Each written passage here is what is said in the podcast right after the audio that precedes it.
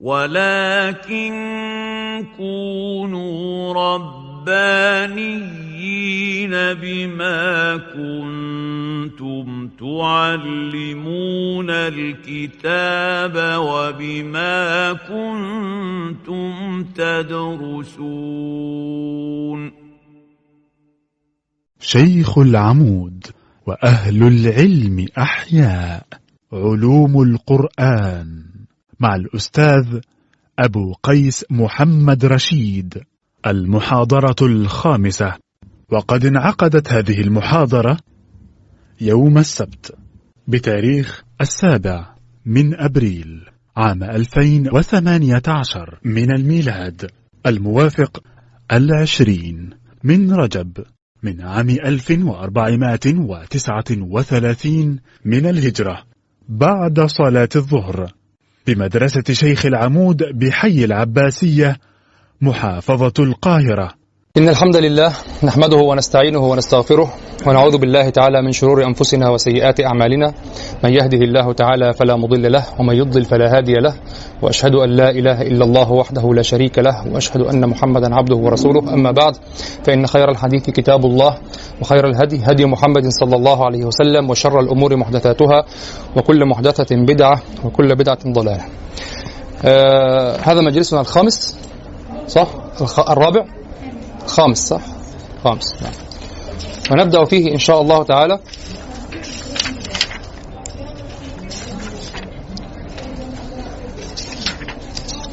في باب علم في نزوله وما يتعلق به صحيح؟ نعم. نعم علم في نزوله وما يتعلق به. مسائل مجموعة من المسائل. طبعا كما قلنا في أول محاضرة العلم العلم قد يكون يعني على غير أصحاب العلوم العقلية على غير تعريفهم أو على غير تحديدهم العلم قد يكون مسائل متفرقة جزئية مضبوطة بجهة معينة ليصح أن يضاف إليها علم كذا صح؟ أو توصف بعلم كذا ولكن الذي جرى وسرى بأنه العلم لابد أن يكون قضايا كلية يعني قواعد ومسائل كلية يعني قواعد الفاعل مرفوع المرفوعات كذا وكذا وكذا المنصوبات كذا وكذا وكذا. أصحاب العلوم العقلية قالوا لابد أن يكون العلم قضايا كلية. لكن غير هؤلاء يقولون لا العلم يصح أن يطلق في ماذا؟ يصح أن يطلق في حتى المسائل العلم بالمسائل الجزئية المتفرقة التي لا تضبطها قاعدة ولكنها مضبوطة بجهة. يعني تتعلق بالقرآن تتعلق بكذا تتعلق بكذا. ومن هنا يصح أن نقول التفسير علم. الشيخ الطاهر بن عاشور يقول التفسير ليس بعلم. تفهم أنه إذا يجري على اصطلاح أصحاب العلوم العقلية. لأن التفسير ليس قواعد التفسير فهم للجزئيات أقرب إلى أن يكون تطبيقا لجزئيات. وفي الحقيقة أميل إلى هذا أميل إلى أن العلم لابد أن يكون له أصول تقيس عليها وليس كثرة مسائل ليس كثرة يعني مثلا الشاعر الذي يستطيع أن يقول شعرا كثيرا جدا وعنده فهم لجزئيات الشعر لم أرى من قال هو عالم بالشعر ويصح من هذا بقى أن يقول هو عالم في الشعر. لكن هو كهذا العربي السليقي القديم هو يستطيع أن يفهم الشعر أن ينشئ شعرا كثيرا وأن ينشئ جزئيات كثيرة وكذا لكن القاعدة عنده ليست كلية ليست عنده قاعدة كلية يطبق هي موجودة في فطرته في طبيعته لكن لم تخرج تكون علما. هذا هو. وعلى الطرف الآخر أنبه إلى شيء. لأنني وجدت البعض من إخواننا لن أسمي يعني آه يقول هو يعني سبحان الله يعني آه شغف بهذا الباب حتى طغى عليه. يقول حتى الشعراء الذين جاءوا بعد الإسلام وبعد يعني بعد مجيء الإسلام وبعد العصر الإسلامي الأول وكذا هؤلاء الشعراء أصلا أشعر من القدماء. فيقول لماذا؟ يقول جمعوا السليقه إلى العلم. أما القدماء فجمعوا سليقه فقط. وهذا كلام متهافت جدا جدا جدا. لأنك جمعت القاعدة. وأما مباشرة الإصدار الإنتاج مباشرة الإثمار هذا يحتاج إلى السليقه فهمتم؟ فربما هناك من يفهم العلماء معروف أن شعرهم رديء. معروف. خليل بن أحمد والأصمعي وهؤلاء مشهور أصلا أنهم حاولوا أن يقولوا الشعر وشعرهم رديء جدا مع أنهم ذواقون نقادون. ينقدون أشعار القدماء ويتذوقونها ويستخرجون أسباب حلاوتها. وأعظم كتاب في التفسير البياني هو كتاب الزمخشري بإضافة إلى التحرير والتنوير لابن عاشور. واضح. لكن من جهة التطبيق والذوق وال... وإظهار الذوق والسليقة الزمخشري سليقة الذوق يعني. لكن إذا أراد أن ينشئ بيتا أو نحو ذلك لا. يمكن أن تجد طالب العلم الذي يتقن بل الشيخ يتقن النحو أو كذا يلحن. ويلحن لحنا يعني يكون من من جهلك أن تقول أو من جهل القائل كما يفعل البعض أن يقول إنه آه، يخطئ في لا يعلم النحو، لا هو يعلم النحو. لكن خط السليقه والممارسة يختلف عن خط العلم بالقواعد. فعلى الطرف الآخر الذي عنده القواعد ثبت في الواقع والمشاهدة أن أكثر الذين عندهم قواعد وشغلوا بالقواعد هم لم لم تتكون سليقتهم كهؤلاء القدماء كالشيء في معدنه، الشيء في معدنه لم يفصل. فلا تغتر بالعلم. لكن أنا أقول كل شيء يوضع في مكانه. فإذا قلت علم علم فينبغي أن يكون قواعد. ولذلك استغرب البعض حينما أقول أنا أقارب أن أتعصب لطريقة الأعاجم في النحو. وليس إلى طريقة العرب يعني ليس طريقة ابن هشام وابن مالك. وإنما إلى طريقة الأعاجم. آه، ابن الحاجب والزمخشري وكذا والشروح التي على هذه الكتب. فالبعض يستغرب يعني أنت مغرق في الشعر الجاهلي وكذا. لأنني مغرق في الشعر الجاهلي أشعر أنني بحاجة إلى هذا الآخر الذي هو القواعد الذي هو الإغراق في التقعيد الذي لا ينشغل بالشعر يستمتع بكتب ابن هشام وابن مالك وبالشواهد وكثرة الشروحات وتداول الأبيات التي فيها. لماذا هو يمر على أبيات قديمة ويحصل عنه علم بالشعر؟ وعندي بعض الطلاب حفظ هذه الشواهد من الكتب كاملة. حفظها. لماذا اخونا كامل عشروف طاجيكي حفظ الشواهد التي في التي في المغني والتي في قطر الندى. طبعا هناك تكرار كبير بينها أصلا. واضح؟ شكرا جزاك الله خير. الله خير. حفظ هذه الشواهد. واضح؟ لماذا الانشغال بالانشغال بالشعر يجعلك مستغنيا عن هذه الشواهد؟ متعطشا إلى القاعدة. فوضع الشيء في محله هو ما اتبعته هنا. حينما أردت أن أدرس النحو أو كذا ونظرت في كتب وجدت الكافية أميل إليها أكثر من الفيت بن مالك، أنا أقلم على نفسي يعني عن نفسي. لا أقول. طبعا الجمع بين الطريقتين جيد من حيث ماذا؟ من حيث أن تعرف طريقة القوم وكذا وكذا. فأنا في أيضا أدرس الألفية وأحفظها وكذا لكن أميل أكثر إلى الكافية والشافية التي لخصت من المفصل وكذا والمفصل مقدمة للكتاب سيبويه. واضح؟ ف لماذا أميل إلى أن يكون العلم قواعد؟ وأما جزئيات كثيرة فهي على اصطلاح الكثيرين علم. لكن جزئيات كثيرة مضبوطة بجهة متعلقة بجهة بدون قواعد وضوابط قد أقول إنها معرفة. واضح؟ لكن على هذا الاصطلاح هي علم لأنهم لم يشترطوا أن تكون قواعد كلية يعني قوانين يعني قضايا يعني المسائل أصول كأصول الفقه والنحو والصرف. واضح؟ نعم. قال علم في نزوله وما يتعلق به. في مسائل هذا الباب ما يميز به أهل السنة عن غيرهم. القضية تتعلق بعلو ونزول وحركة وكذا وما يلزم من ذلك. طيب نقرأ ما في المتن أولا. علم في نزوله وما يتعلق به. نزل أول ما نزل أو نزل أول القرآن ليلة القدر من شهر رمضان إلى السماء الدنيا. ومنها منجما مدة الرسالة. وقيل بابتداء النزول فيه يعني في رمضان الابتداء فقط. وحكمته يعني حكمة هذا التنجيم وحكمته تثبيت الفؤاد ومكث الفكر. ينزل للحاجة خمسا وعشرا وأكثر وأقل وبعض آية وتنزل السورة جميعا كالفاتحة والأنعام على طولها. والمرسلات والمعوذتين. وغالب القرآن التفريق. أكثر القرآن فرق لم ينزل صورا كاملة. وغالب القرآن التفريق. وكذلك التفريق على الترتيب ليس كما في ترتيب المصحف. نعم. وإنزاله إظهار القراءة. معنى إنزال القرآن هنا على هذا الكلام النزول من الله سبحانه وتعالى إظهار القراءة. لأنه حينما يقول لك أحد أين الله؟ يتحداك وأين الله؟ نعم في السماء كما قالت الجارية ما معنى في السماء؟ لا يعني التحيز في جهة أو لا الله في السماء الله في علو. نعم. وإذا كانت الكرة الأرضية هكذا والذي هنا يقول في السماء والذي هنا يقول في السماء فهذه ليست تحت هذه علو أيضا. فهمتم؟ يعني الله سبحانه وتعالى للإنسان في الجهة العليا دائما.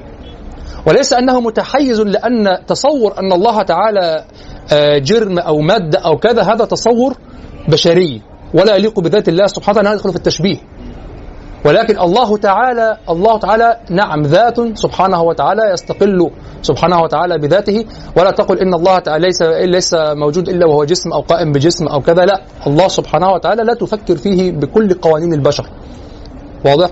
لك حد في الوقوف عنده ولكنك آه، تستحضر صفات من الله سبحانه وتعالى وتستحضر أن الله سبحانه وتعالى موجود وأن الله سبحانه وتعالى آه، معك برحمته وباطلاعه وبعلمه وكذا وكل هذا كافيك.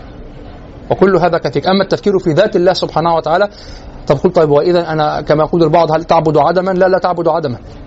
لأنك أيقنت بوجود ذات الإله سبحانه وتعالى. أنت لا تفكر في حقيقة وفي ماهية هذه الذات. هذا هو. ولو أننا عممنا هذا لقلنا بمنطقية التفكير من خلق الله لأن الإنسان مجبول على أن كل شيء ينتهي إليه في ذهنه يبحث عما أوجده. طيب وما الدليل الذي يوقفك عند هذا؟ ما سماه بدليل بطلان التسلسل. لأنك إذا ظللت تقول ومن خلق الله ومن خلق الله طب ومن خلق ومن خلق إلى ومن خلق الله هنا؟ طيب طب ومن خلق الله؟ طب ومن خلق الذي خلق الله؟ ومن خلق الذي خلق الذي خلق الله؟ أين التسلسل؟ لابد من واجب الوجود لذاته. وأنا في الحقيقة لا أميل إلى استعمال يعني كثيرا إلى استعمال اصطلاحات الكلاميين علماء الكلام. وكل ما قلته الآن هذا اصطلاح علماء الكلام لكن لأنني أريد أن أقول هذه الأشياء يمكن أن تثبت هذه الحقائق يمكن أن تثبت حتى بفطرة الإنسان. لولا فقط ما يعني أنت حينما أسأل العام أين الله؟ العام الذي لم يتأثر يعني وإلا التأثر صار كبيرا الآن. أين الله؟ يقول في كل مكان. أقول يعني الله هنا هنا لا في كل مكان يعني هو نفسه يشعر بأن بهذا المساحة المجازية. ويقول في كل مكان معي بسمعه وبصره وكذا. أنت زيد أنت أمر معك في كل مكان.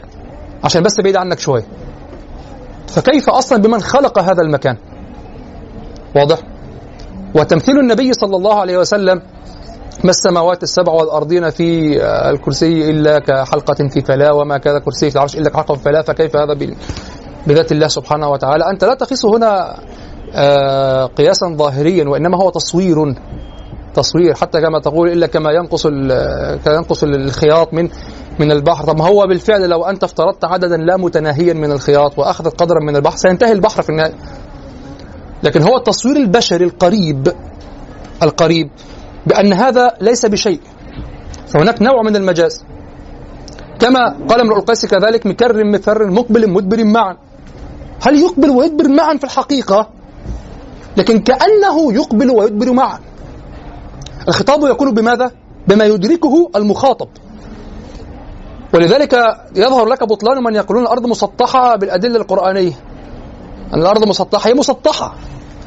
هي فعلا هي مسطحة. وهي كروية مسطحة. وهل أنت تلعب بها الكرة يعني تراها كرة؟ هي مسطحة. ما معنى مسطحة؟ أنها ليست ليست جميعا جبالا. ليست جبالا. واضح؟ نعم هي مسطحة. هذه كرة السلة الكبيرة مسطحة. هذا البالون مسطح. هذا سطحه. يعني ليس فيه بروز. واضح؟ فالكرة الأرضية لا طبعا وهذا بطلان في تفسير النص القرآني. أو أو يعني تحذلق وكذا. الذي بدأ هذا الكلام للأسف في المصريين وفي العرب زهور النجار.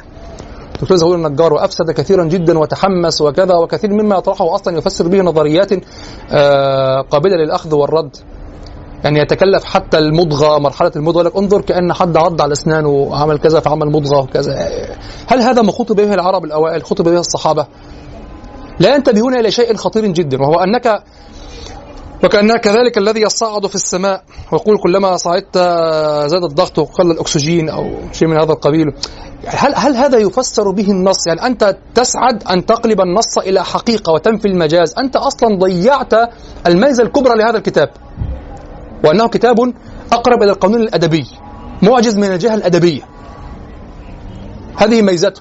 أما المخترعات وكذا كلها تدخل في قوله تعالى سيروا في الأرض قل سيروا في الأرض سير في الأرض افعل ما تشاء لكن كله يدخل في هذا لكن القرآن أجل من هذا. يا أخي الرواية أجل من كتاب فيزياء. الرواية من حيث كونها تخاطب إنسانا وكذا روايات ديستوفيسكي وليتولستوي و أجل من كتاب فيزياء يعني ممكن السنة الجاية تلغي. واضح؟ كتاب رموز وكذا في الآخر في النهاية يصف لك قوانين وكذا وكذا ربما تدمر العالم إن لم تفد البشر. واضح؟ هي أشياء ذاتية لا تحمل في نفسها آه، قبحا ولا ذما في ذاتها.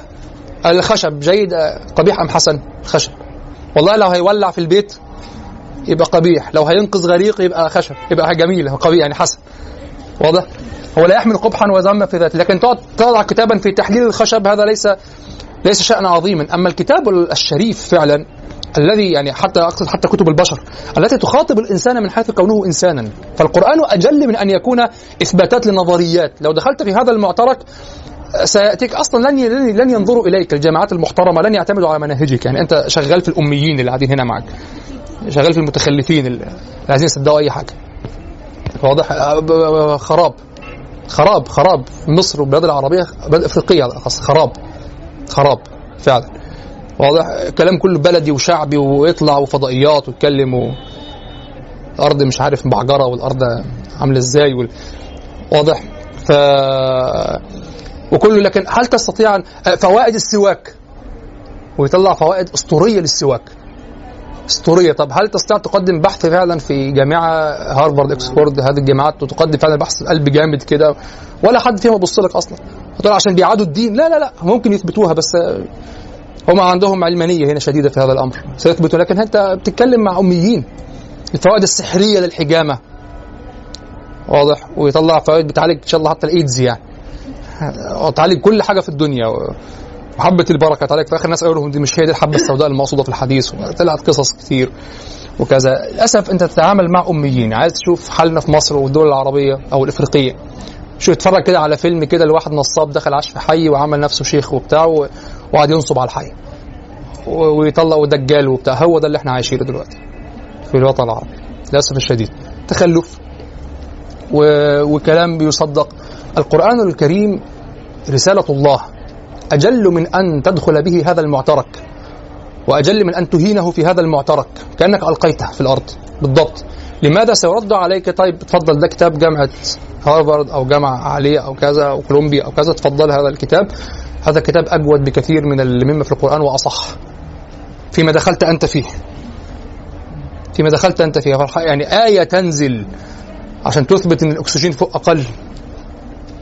آية تنزل عشان تثبت إن إحدى المراحل مضغة. طيب نص صفحة بتديك المراحل كلها في كتاب طبي واضح؟ فللأسف الشديد يعني أفسدوا. وكل هذا منبعه في الأصل الشعور بالهزيمة والضعف. وتسول الرضا من المخالف. أن تتسول الرضا. واضح؟ زي ما الشخص الملتزم بالظبط عايز يودي يوري إن هو إنسان كيوت وكويس وملتزم فيبان يطلع في حفلات فيها موسيقى. هو مش بيقول بيحل الموسيقى لكن يطلع إن هو عادي والبنت تركب عجلة وتجري وكذا. عمال بقطع النظر عن يجوز أو لا يجوز بتكلم في شيء آخر وهو إن أنت بتوريهم ان هو فاهم إن أنت بتتصور رضاه. أنت إذا كنت على أمر أثبت عليه من لا يجب يشرب من البحر يشرب مما هو أسود. يضرب رأسه في أنجس حائط إذا سيكون معاديا لما تعتقد أنه الحق. واضح؟ أنت هكذا. خلاص لا تعتدي عليه لكن أنا هكذا ولن أتجمل لك سيحترمك. قبل أن يفعل الملتزمون هذه التقربات الكثيرة كانوا يحترمون أكثر. لما كان فيهم تشدد أكثر. بل لما كان فيهم تكفير. بل لما كان فيهم أشياء اعتداءات حقيقية يفعلون كذا سبحان الله كان المجتمع يحترمهم أكثر. مع مع اعتراف بأن هذا خطأ. لكن لما لنت وأخذت تثبت أنك مسالم وأنك جميل وأنك كذا وكذا أهانك. وقلت دعوتك وضعفت. واضح؟ لا كن على الحق الذي تعتقده واثبت عليه وتصلب عليه ولا تجامل فيه. وبينه كما هو. هذا هو الطريق. القرآن كلام الله سبحانه وتعالى خطاب إلى إلى البشر. لا أحتاج إلى أن أتسول رضاك في القواعد للنظرات العلمية. انتهت إلى الإهانة. واضح؟ القرآن الكريم العظيم كلام الله للبشر من حيث كونه رسالة للبشر وليس من حيث كونه وبالمناسبة الصحيح الجمهور من حيث كونه. بعض يرسل إيه لماذا تكون من حيث كونه؟ تكون من حيث كونه. لا هي من حيث كونه. هذا مذهب. من حيث كونه مذهب. لكن الجمهور والأكثر المستقر من حيث كونه. نعم. من حيث كونه رسالة الله سبحانه من حيث كونه رسالة الله سبحانه وتعالى للإنسان. بعد ذلك اختراعاتك وكذا وكذا هذا قل سيروا في الأرض. بس انتهى. تحت تندرج تحتها. لكن في النهاية تنتهي إلى رسالة الإله. من حيث كونه إلها إليك من حيث كونك عبدا. هو القرآن. هكذا ليس فيه فيزياء وكيمياء. وليس كتابا في الفيزياء ولا الكيمياء ولا الرياضيات ولا جاء ليخبرك أن الأرض في الذي الشيء الذي اسمه الكوكب مكور. لا هو يخاطبك على الأرض التي تراها أنت. أنت تخاطب بها أنت. فهمت؟ التي أنت تخاطب بها.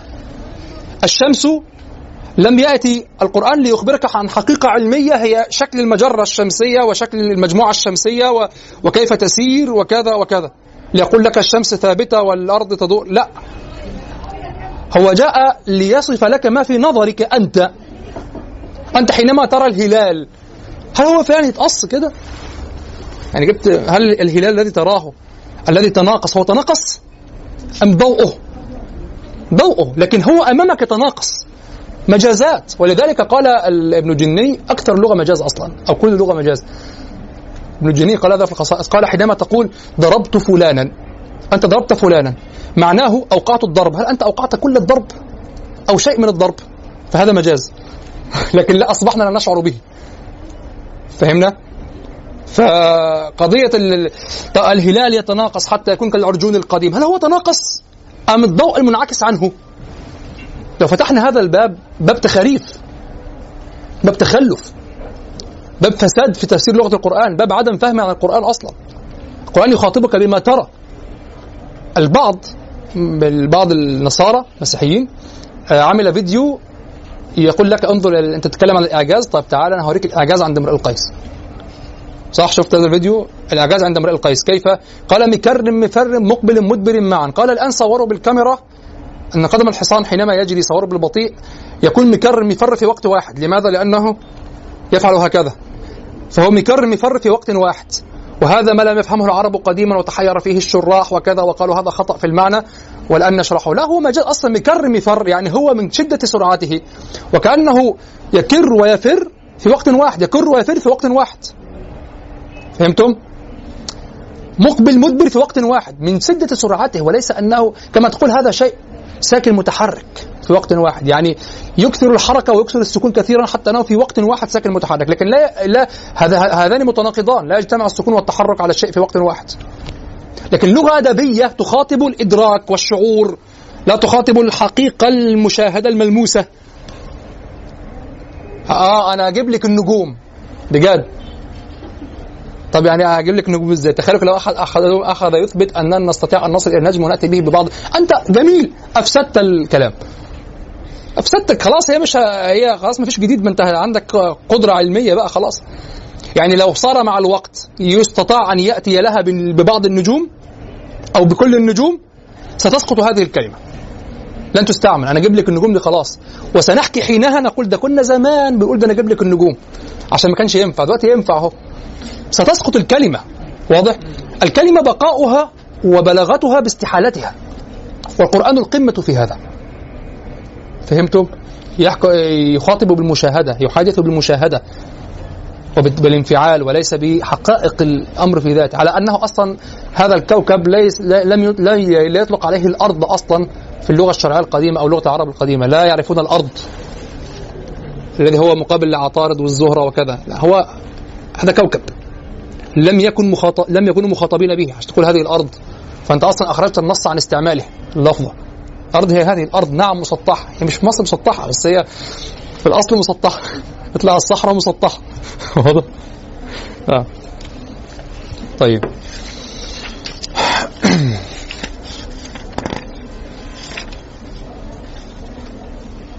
وإنزاله إظهار القراءة وقيل إلهام جبريل وتعليمه.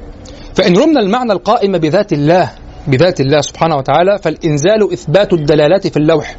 وإن رمنا الألفاظ هذه الألفاظ فمجرد إثباته في اللوح. ويحتمل الإثبات في السماء الدنيا بعد الإثبات في اللوح. والقرآن كتاب الله ومعناه. فلا يؤدى بالثاني. يعني لا يؤدى بالمعنى. كتاب الله ومعناه. الأصل أن نقول كلام الله ومعناه. وليس كتاب الله ومعناه. بما هذا سبق قلم مني. نعم. كلام الله. نعم. والقرآن كلام الله ومعناه. فلا يؤدى بالثاني. والسنة بالثاني. يعني السنة تؤدى. هذا عند الجمهور الغالب إلا فيما ندر يعني أو لا, لا, لا يكاد يعتبر قولا يعني. أنك تؤدي السنة فقط كما سمعتها بالضبط. لا. هم جميعا نصوا على أنهم إذا لم يروا الحديث بالمعنى دون أن يغيروا في أصل المعنى يعني ف آه، لن يروا شيئا. واضح؟ الأحاديث وترى الحديث الواحد له روايات عديدة في السنة. واضح؟ والذي يروى بنصه كما هو حديث معدودة جدا. ولذلك الجمهور لم يحتج بالسنة في النحو. لأن كثيرا من الرواة أو الجمهور من الرواة لم يكونوا من العرب. والبعض طبعا يغضب من هذا. نعم. ورد على ابن مالك في هذه الأمور في استدلال بالسنة يعني هو كان يستدل بها. ويأتي كصلصلة الجرس وتصورا بالإنس يعني في هيئة المجيء إلى النبي صلى الله عليه وسلم. ونزل على سبعة أحرف يفسرها من نظر وفيه فرش يحصره الفطن وجمع عثمان الناس على حرف قريش. طبعا اختصارات مخلة جدا. أنا عارف من ألف هذا الكتاب أصلا وأنا أقرأه. علم في نزوله وما يتعلق به. كما قلت لكم كنت آه، هذا ألفته منذ عشر سنوات تقريبا. كنت متحمسا و الآن متحمس أيضا لكن يعني أهدأ من هذا يعني أو آلية التناول أهدأ يعني أو مختلفة في مسائل هذا الباب ما يميز به أهل السنة عن غيرهم. نزل أول القرآن ليلة القدر من شهر رمضان إلى السماء الدنيا ومنها منجما مدة الرسالة وقيل بابتداء النزول فيه. يعني قوله تعالى شهر رمضان الذي أنزل فيه القرآن الجمهور بل بعضهم قال بالإجماع أنه أنزل بالكامل من الله سبحانه وتعالى إلى السماء الدنيا ثم نزل منجما. فالآية تفسر بماذا؟ بما نزل بجملة القرآن كله الذي نزل إلى السماء الدنيا. ذكر القرطبي نقل الإجماع هو ذكر نقل الإجماع يعني ذكر عن بعضهم أنه نقل الإجماع. ذكر القرطبي أن نقل الإجماع على أنه نزل جملة إلى السماء الدنيا ليلة القدر ومنها منجما مدة الرسالة وهو قول ابن عباس ووصف السيوطي هذا القول بأنه الأصح والأشهر وصحح الأسانيد فيه عن ابن عباس ووصفه ابن حجر بالصحيح المعتمد قلت دعوى الإجماع لا تسلم. فقد خالف بعضهم بأن معنى قوله تعالى شهر رمضان الذي أنزل فيه القرآن وقوله إنا أنزلناه في ليلة مباركة وقوله إنا أنزلناه في ليلة القدر أي كان ابتداء نزوله في هذه الليلة من الشهر ثم بقي ينزل مدة الرسالة وهذا غير ممتنع في استعمال العرب ولا إشكال في إطلاق الكل وإرادة البعض. وهذا طبعا هناك مشكلة في الكل والبعض يعني كلمة الكل. آه من جهة اللغة لكن حتى ابن هشام الذي آه منعها استعملها أيضا. في القطر شرح القطر. نعم. طيب. وهذا غير ممتنع في استعمال العرب ولا إشكال في إطلاق الكل وإرادة البعض. يعني حينما تقول نزل القرآن في ليلة القدر أو نزل القرآن في يوم كذا في شهر رمضان يعني كان ابتداء نزوله الذي استمر بعد ذلك. واضح؟ تطلق الكل وتريد البعض. أو تريد البعض فتستعمل له الكل. على أساس أن السياق يفهم منه الكلام. فتقول أرسلت إليك الكتب يوم كذا وأنت تريد ابتداء إرسال الكتب المتتابعة الذي لم ينقطع بعده. واضح؟ هذا مثال يعني. ويعرف هذا القول في كتب التفسير المتناولة. هذا وجدته كثيرا في كتب التفسير. ويعرف هذا القول في كتب التفسير المتناولة دون نكير ويقدم في بعضها. وهذا كله لا لا تناسبه دعوى الإجماع من القرطبي رحمه الله. يعني هو يمكن أن يراد أنه نزل البعض منه وكان ابتداء نزوله في شهر رمضان. هذا هو يعني نزل البعض وليس الكل ليس القرآن جملة يعني. نعم. وحكمته يعني حكمة هذا التفريق وحكمته تثبيت الفؤاد ومكث الفكر. أي حكمة النزول بالتنجيم هي تثبيت الفؤاد ومكث الفكر أي بقاء الفكر مدة في القدر الذي نزل. قال تعالى وقرآنا فرقناه لتقرأه على الناس على مكث. وقال وقال الذين كفروا لولا نزل عليه هذا القرآن جملة واحدة كذلك لنثبت به فؤادك ورتلناه ترتيلا. انظر العلاقة بين التنجيم في النزول وبين رتلناه ترتيلا. لنثبت به فؤادك ورتلناه ترتيلا. يعني حتى أبطأنا في قراءته لك جودناه لك في القراءة مع تقليل المنزل وتفريقه. فنظم القرآن المنزل, نظم إلهي لا يطيق القلب جملته دفعه. أنت في الشعر حينما آه، حينما تأخذك قصيدة معينة ربما إذا أردت أن تسمعها لا لا تستطيع أن تكملها من شدة طاقتها عليك. إذا وصلت إلى مرحلة من التذوق لهذه القصيدة عالية جدا ربما تستطيع أن وطالت القصيدة ربما لا تستطيع أن تكملها أصلا. نعم. فنظم القرآن المنزل نظم إلهي لا يطيق القلب جملته دفعة وإنما ترسله الله في الإنزال حتى احتملته القلوب والأذهان. قال مقيده عفى الله عنه الذي هو أنا. كتبتها كتبتها وكنت أريد التشبه بالعلماء في الكلام يعني. قال مقيده عفى الله عنه هذا لا والعجيب أن العلماء يقولون فيه هذا شهوة خفية ليست خفية أصلا واضحة جدا جدا لكن نحن نتغاضى عن بعضنا يعني. نعم. فقال مقيده عفى الله عنه. يا سلام وراءها نفس تقول شوف أنا أكتب طبعا سعيد انتهيت درست الإتقان على حجمه والبرهان وكذا وقرأتهما وكذا وأضع متنا مختصرا على طريقة الأزهريين وكذا فترى نفسك شيئا عظيما. ثم ترى من حولك المشكلة أين يا إخوة؟ أن من حولك صنفان صنفين. أن من حولك آه صنفان. صنف يصفق يقول لك صح عالم وأستاذ وعلامة وكذا وكذا والصنف الآخر يريد أن يكون حكيما فماذا يفعل؟ أنت من أنت؟ واضح؟ لا أنا أنا أنا لا تقل أنت من أنت أنت ما زلت لا, لا تقل هذا أنا أعرف أنني درسته وأعرف أنني حصلته فلا لا لا يكون منطقيا في الكلام فلا يكون حلا واضح؟ فمن الذي أقرب إلى هواك؟ الأول وأنت مقتنع أنت أصلا لست على هذا ولا ذاك. أنت مقتنع أنك لست أيضا كما يفعل هذا المصفق الأول. ولكن الآخر أيضا خطأ. يعني أنت تقول يعني من لا ماشي أخ... هذا ليس منطقيا. أنا مش مقتنع بكلامك برضه أنت تقول أنت لا تعرف شيء لا أعرف. كيف لا أعرف شيء؟ كيف لا أعرف؟ ماذا أفعل يعني؟ ولذلك الحكيم بحق هو الذي يعرف كيف يتعامل مع آه، مع طالبه بما يرضي به نفسه وبما يجعله يحذر من نفسه. في نفس الوقت. هذا هو. وربما تحتاج إلى اختلاف في المعاملة بين الطلاب. هناك من الطلاب من هو دائما يعني يرى لا يرى نفسه شيئا.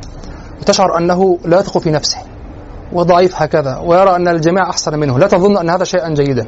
أن هذا شيء جيد. ليس, ليس شيئا جيدا. الذي يظن أن الجميع أفضل منه وهو كذا لا لا هذا منكسر هذا ضعيف. هذا لن يستطيع أن يفيد الناس بما عنده. دائما سيسكت. ولكنك بالمصادفة تكتشف أن عنده شيء كبير. واضح؟ بالمصادفة. لكنه يحتاج إلى مبادرة ليفيد الناس. واضح؟ فتحتاج إلى هذا تحتاج إلى أن تشعره بثقته بنفسه. شخص آخر ربما تراه آه، مغرورا جدا. ويرى نفسه فعل وفعل وتراه تسرع في المسألة. يعني هو ذهب وقرأ المسألة فجاء يقول أنا أدري فلان كيف قال هذا وأنت تعرف قيمة هذا الفلان لكن هو يعرف أنك تخالف هذا الفلان. لكن أنت تعرف أيضا أن هذا الفلان كبير وليس صغيرا. ولكنك توافقه. وهذا الطالب الذي عندك صغير هو أصغر منكما. فيأتي ليوافقك بالمجاملة على حساب فلان. يعني يطعن في فلان. أنت هنا ينبغي أن تغار لهذا الفلان. لماذا؟ لأنه بالفعل عالم أو بالفعل شخص كبير حتى إن خالفته في المسألة في النهاية. فينبغي أن تأخذ على يد هذا الصغير. ولكن ليس الصواب أن تقول له أنت صغير ولا تفهم شيئا ولا كذا ولا كذا. تمدح القدر الذي فعله. فهمتم؟ تمدح القدر الذي فعله. لكن المشكلة هنا في مصر على الأخص أنه منذ أسقط عبد الناصر الأزهر وقبل ذلك أيضا حتى نظلم الرجل في كل سوء يعني. آه العلم العلم بابه مفتوح لكل طبقات الناس وطبقات المجتمع.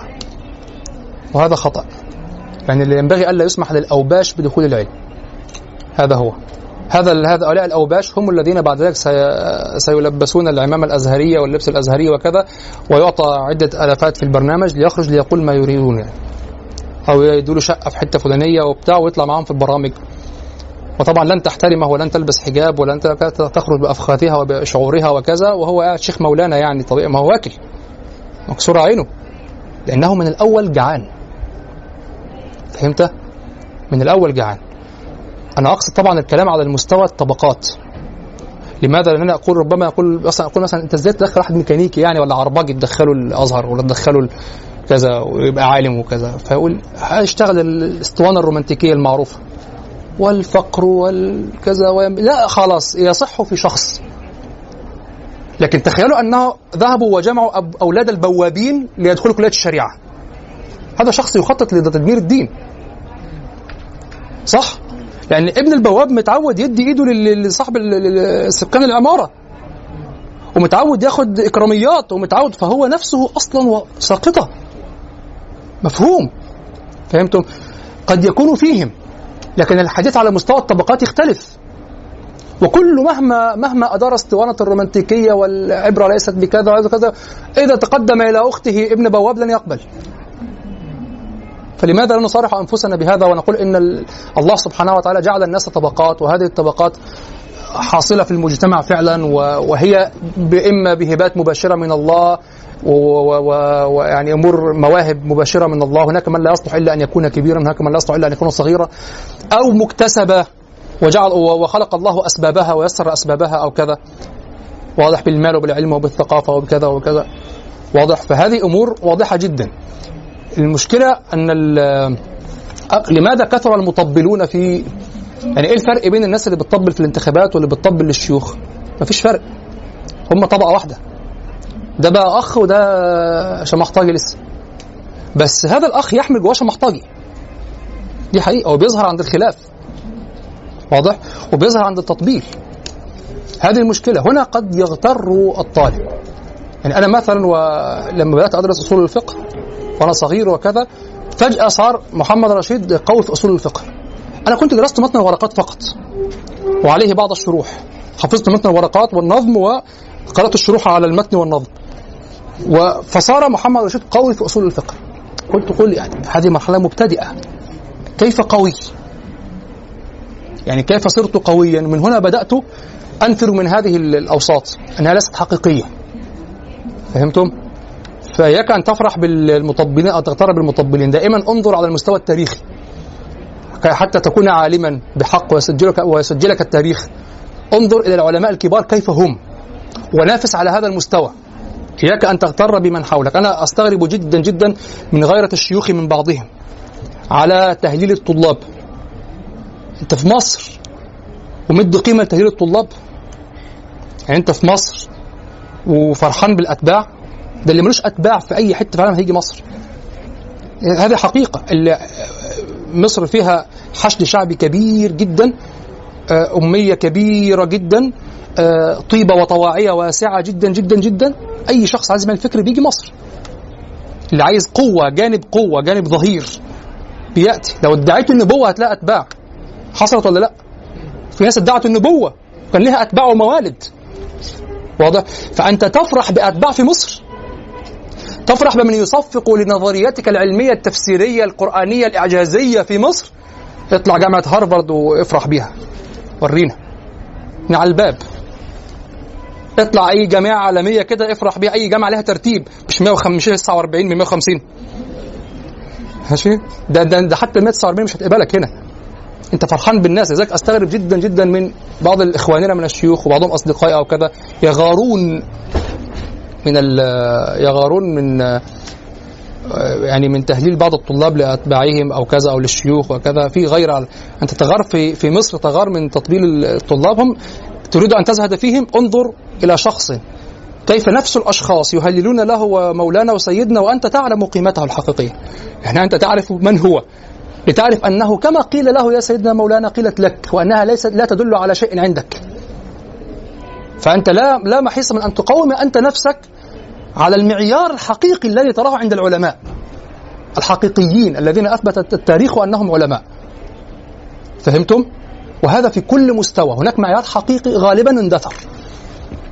فأنت مضطر أن تتعامل مع الأحياء أقصد الموتى لكن الأحياء الذين هم أحياء بالفعل. أما الناس الآن فموتى يعني أنت ميت قبل أن تصدر أصلا. للأسف الشديد. فهمتم؟ فما الذي كيف أنا أقول قال مقيده عفى الله عنه؟ مين أنت عشان عفى الله عنه؟ يعني كلمة نفخ يعني فيها نفخ شديد وبعدين يقول لك ده شهوة خفية. هي مش خفية. واضحة جدا جدا. وقلت وكذا. أو قلت أحيانا بروي بها فعلا تعليق مني عشان حتى لو وجدها ابني أو وجدها حد يعرف إن أنا اللي قلت يعني ووضع الضم على التاء وكذا عشان ده كلامي يعني. لكن قال مقيده عفى الله عنه. يعني سخيفة جدا جدا. وينبغي الترسل فيه كذلك في عصرنا. يعني في عصرنا نحن إذا قرأناه. مالكم؟ ها القلم قيده شرحت كنت عايز حواشي إحنا بنمثل يا مولانا صح؟ بنمثل جدا وعارفين بنمثل وبنسكت على بعض. يعني ممثل أو بنقوم مبهدلين بعض فطبعا النتيجه عكسية. نبهدل بعض يعني تهينه أو كذا فده برضه مش صح. ما ينفعش تيجي عند واحد شايف نفسه شوية أو كذا شايف نفسه عالم أو شايف نفسه هيبقى مشروع عالم أو كذا فبيتكلم زيهم. فتقوم جاي برضه مكسره من تحت كده مش هيقبل كلامك هيكسرك. وأنا اللي حاول يكسرني كسرته. بس أنا اكبر مني في السن بكتير. فيعني آه، لأن هم كان معالجتهم غلط. لما يجي يقول لي أنت ما قلت له أنت اللي من أنت تعالى وريني. أقول لك كلامك بقى وأنت هو انت هو انت على أنت اللي من أنت. لكن بالفعل الكلمة ضخمة جدا يعني يعني الكلمة ممكن تبان آه فيها إيه؟ لو حبيت تحللها لغويا فيها؟ لكن سياقيا هذه الكلمة معبأة بتاريخ. من يقولها بيقولها علماء إحنا بننظر لهم بفخامة معينة. فأنت بتتشبه يعني عمال عايز كأنك تبقى هم يعني. واخد بالك؟ ف... فلذلك أنا أقول ظاهرة جدا وليست شهوة خفية. شهوة خفية في الماضي ممكن. الان ليست شهوة خفية. أما شخص الآن يجلس بينكم يقول قلم قيده عفى الله عنه. آه، واضحة جدا يعني. نريد أن نجرد أنفسنا من هذه الشخصيات المنفوخة حتى نقرأ الحقائق بالحقائق. هذا هو. يعني إذا أردت أن تواجه اقرأ الحقائق بالحقائق. يأتيني بعض الناس مثلا يجلس معي يزورني وكذا يقول وعندي وعندي إجازات في كذا وعندي إجازة في وعشر إجازات مش عارف من مين. سيبك من كل ده. ما تيجي نفتح مسألة. يقوم متكلم في حاجة تانية في الأكل في ال... تعال سيبك من الكلام ده. تعال نفتح مسألة في العلم ده. دعك من الإجازات. تعال نفتح مسألة. نتناول مسألة ونحللها كده. أنت سهل تجمع إجازات ما الشيوخ طيبين أصلا. والشيوخ الأخرين هم اخر حتى الشيوخ بيتغروا يعني تخش عليهم داخلة بيتحرج. أيضا هناك سيف حياء. هناك لما تزور حد في بيته برضه ما هو سيف حياء يعني. واضح. والشيخ طيب وبيحاول يقرب العملية فيقنع نفسه. أنت ليه ليه عصمه يعني من الخطأ يعني؟ فتلاقي واحد مش فاهم أي حاجة ومعاه إجازات قد كده. تتغروش بالناس دي. أكثر من يتسلط عليكم مشيخة تافهون. وأنا أعرفهم جيدا. وكنت منهم. يطلع من الشيخ شيخ كده وبتاع وكنت ألبس هيئة الشيخ وكذا لم أكن على حقيقة الآن أنا اضعاف ما كنت عليه لما الآن وأنا مشتغل بالشعر ولي هيئة أخرى وشكل آخر. مختلف تماما عما كنت لي هيئة الشيخ الأزهري الذي كان الآن أملأ بكثير جدا عن الأول. أول كان فارغ أكثر يعني من الآن. لم لم يكن جاهلا لكن كان لم يكن على ال- الصفة التي عليه الآن. يعني لو كان عندي الآن بنفس الشخصية النفسية القديمة أوف. أعوذ بالله. ربما دعوت النبوه لا. وينبغي الترسل فيه كذلك في عصرنا. يعني كما ترسلوا فيه القدماء بالنزول أو كما آه، نجمه الله سبحانه وتعالى في النزول تنجمه أنت لنفسك. ما الفرق؟ سيأتي. وينبغي الترسل فيه كذلك في عصرنا. وإن خالفنا ترتيب النزول. يعني حتى وإن خالفنا ترتيب النزول لا خلاص أصبح الآن الأمر متعلقا بماذا؟ بحالتك أنت بذاتك. يعني قضية النزول هذه متعلقة بحوادث بعينها متعلقة بحكمة هذا الوقت. تطبيقها الآن أن ترى ما يصلح معك أنت. واضح؟ طيب. فلا تلازم بين اختلاف الأسباب والداعي إلى الترسل. يعني انظر فلا تلازم بين اختلاف الأسباب والداعي إلى الترسل. يعني أنت الآن ما الداعي إلى الترسل؟ ما الداعي إلى الترسل؟ ما الداعي إلى التنجيم؟ كما قلنا هنا. كذلك نثبت به فؤادك فهو مستمر. أما اختلاف الأسباب كما كانت في القديم هذا لا علاقة لنا به. فقط يبقى جزء الترسل. أنك تترسل علة موجودة لم تذهب. حتى وإن جمع هذا المنجم في صور وفي مصحف كامل. فالترسل في تلقي القرآن مقرر على أي ترتيب كان. يعني لا علاقة بين الأسباب في ترتيبها التي وقع الذي وقع وبين الترتيب القرآني الآن. فالترسل يعني لا لا تلازم بين الترسل يعني بين التنجيم الذي له حكمة تثبيت الفؤاد وبين النزول المنجم. قيمة الترسل باقية. فهمتم؟ قيمة الترسل باقية. اختلف الترتيب فقط. لكن الحكمة من الترسل باقية تثبيت الفؤاد. لكن سيكون على وجه آخر سيأتي كلامه فيه. فالترسل في تلقي القرآن مقرر على أي ترتيب كان. إذ هو لثقل القرآن إنا سنلقي عليك قولا ثقيلا. إذ هو لثقل القرآن لا لذات الحادثة. وإلا فيسهل على السلف الرجوع إلى القرآن الكامل. واستخراج ما يتعلق بحوادثهم تأمل. وإلا فيسهل على السلف الرجوع إلى القرآن الكامل. واستخراج ما يعني إن لم تحتج إلى ذلك يسهل أن ترجع إلى القرآن. يعني إذا هناك منهج لك في التربية. ما حالك؟ الله تعالى أنزل فيك طبعا أنزل فيك هنا يعني أنت مراد بالتفسير هنا تفسير. أنزل فيك كذا وكذا وكذا. فتأخذ من القرآن ما يناسب حالك. تختار السورة التي تناسبك. وإذا وقعت لك واقعة سهل أن ترجع إلى القرآن. أن تجد فيها ما تريد. وأن تجد على الترتيب وعلى موقع الآية من السورة. كل الذي اختلف أنك صرت تأخذ بترتيب جديد وبحاجة جديدة. لكن قيمة الترسل باقية كما هي. فهمتم؟ يعني قيمة النزول على الحكمة من النزول على التنجيم والقيمة تحصلها من هذا التنجيم باقية كما هي. علقت هنا وقلت ولكنهم يأخذون الآيات في سياقها لا في انفصالها. هذا شيء جديد. انظر بعد ما قلت وإلا فيسهل على السلف الرجوع إلى القرآن الكامل واستخراج ما يتعلق بحوادثهم. قلت بعد ذلك وقد كانوا يتلقون القرآن عشر آيات لا يجاوزوهن. يتعا... يتعلمون ما فيها من العلم والعمل. عشر آيات هذا المشروع عن السلف. وهناك من كان يأخذ آيتين آيتين. هناك من يأخذ خمسا خمسا. هناك من يأخذ ثلاثا ثلاثا. هكذا. علقت هنا وقلت ولكنهم يأخذون الآيات في سياقها يعني حتى بعد أن نزل القرآن كاملا وصار مصحفا يأخذون الآيات في سياقها لا في, لا في انفصالها كما كان وقت النزول. طيب أية قيمة هنا أعلى وقت النزول أم بعد أن صارت في الصورة؟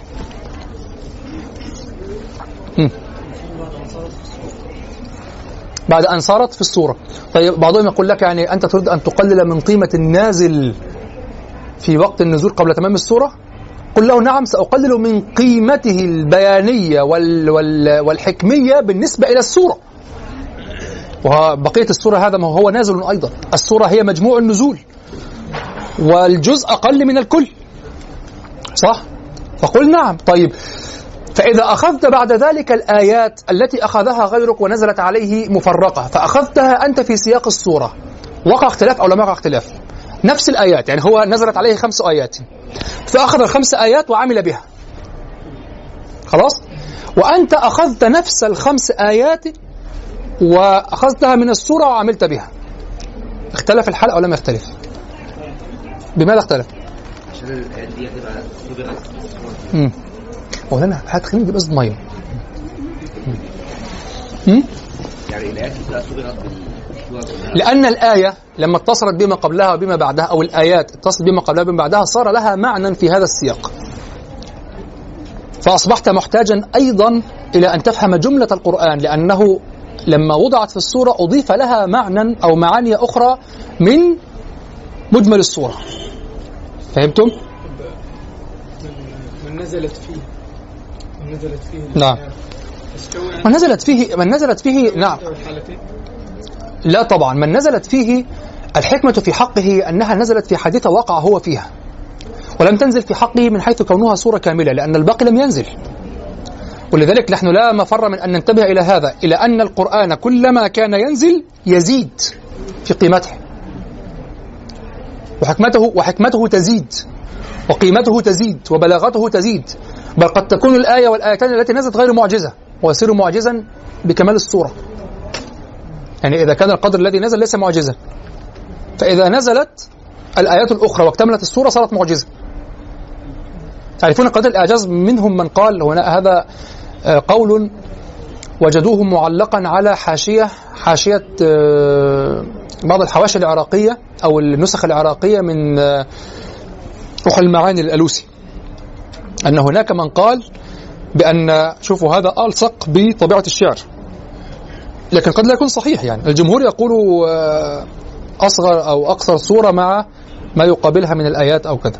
على خلاف يعني تفصيلي في الأمر. لكن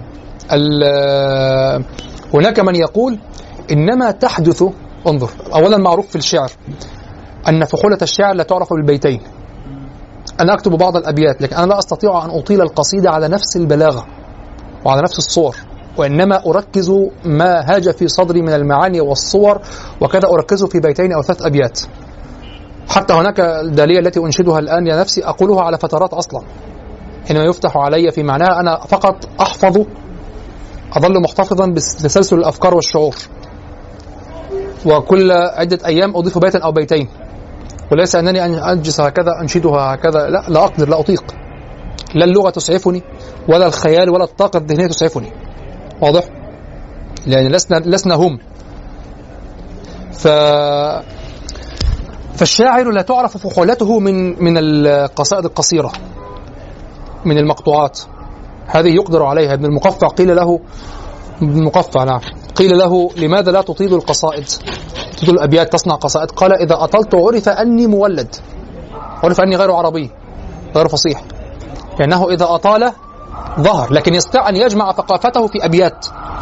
كل فترة هكذا يضخ بعض المشاعر كذا لكن تستطيع أن تنشد هكذا. ولذلك إذا قرأتم هذا كتاب كنز ورقات قليلة ولكنه رهيب جدا يعني في فائدة في مدلولاته في أسراره. كتاب فحوله الشعراء الأصمعي. فحولة الشعراء للأصمعي. أنا شرحت منه مجلسين عندي في البيت ووقعت ظروف فتوقفت وإن شاء الله سأستكمله يعني. أه ترى الأصمعية تعرض عليه يعرض يسأله تلميذه أبو حاتم السجستاني. فلان من الشعراء فحل. فيقول لو أنشد مثل قصيدته التي أولها كذا ثلاثا كان فحلا. واسأل عن شاعر آخر هذا فحل. يعني هل من فحول الشعراء؟ فيقول لو أنشد مثل قصيدته كذا خمسا كان فحلا. طيب فلان شاعر فحل. فيقول المهلهل بن ربيعة مثلا يقول هل هو فحل؟ قال لو أنشد مثل قصيدته أليلتنا بذي جشب بذي حسم أنيري.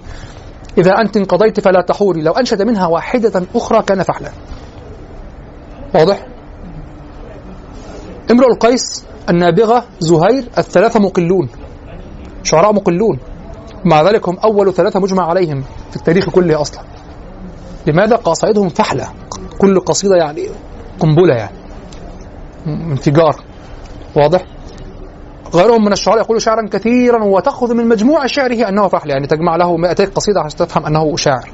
لماذا؟ هذه القدرة البيانية هل تستطيع أن تكررها؟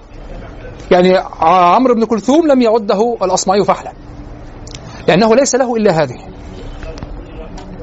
التي هي المعلقة. ألا هبي بصحنك فاصبحين يمكن أن تنفجر مشاعرك في ظروف وأحوال معينة فتقول قصيدة وتجتمع مواهبك لكن هل تستطيع أن تفعلها إذا أردت؟ لنفهم أنك فحل. هل تستطيع أن تكررها إذا تكررت على نفسك نفس المشاعر أو لا؟ ثم بعد ذلك الحكم يكون بالقصائد الطويلة لا بالقصيرة ولا بالمقطوعات. حينما يطول النفس وتستمر على مستوى واحد من البلاغة وعلى نفس البحر والوزن ولا تتكلف ولا تستكره القوافي ولا ينقطع المعنى ولا تتهلهل القصيدة. لا نشعر أنك خلاص دخلت في المواضيع وخلاص يعني وسعت.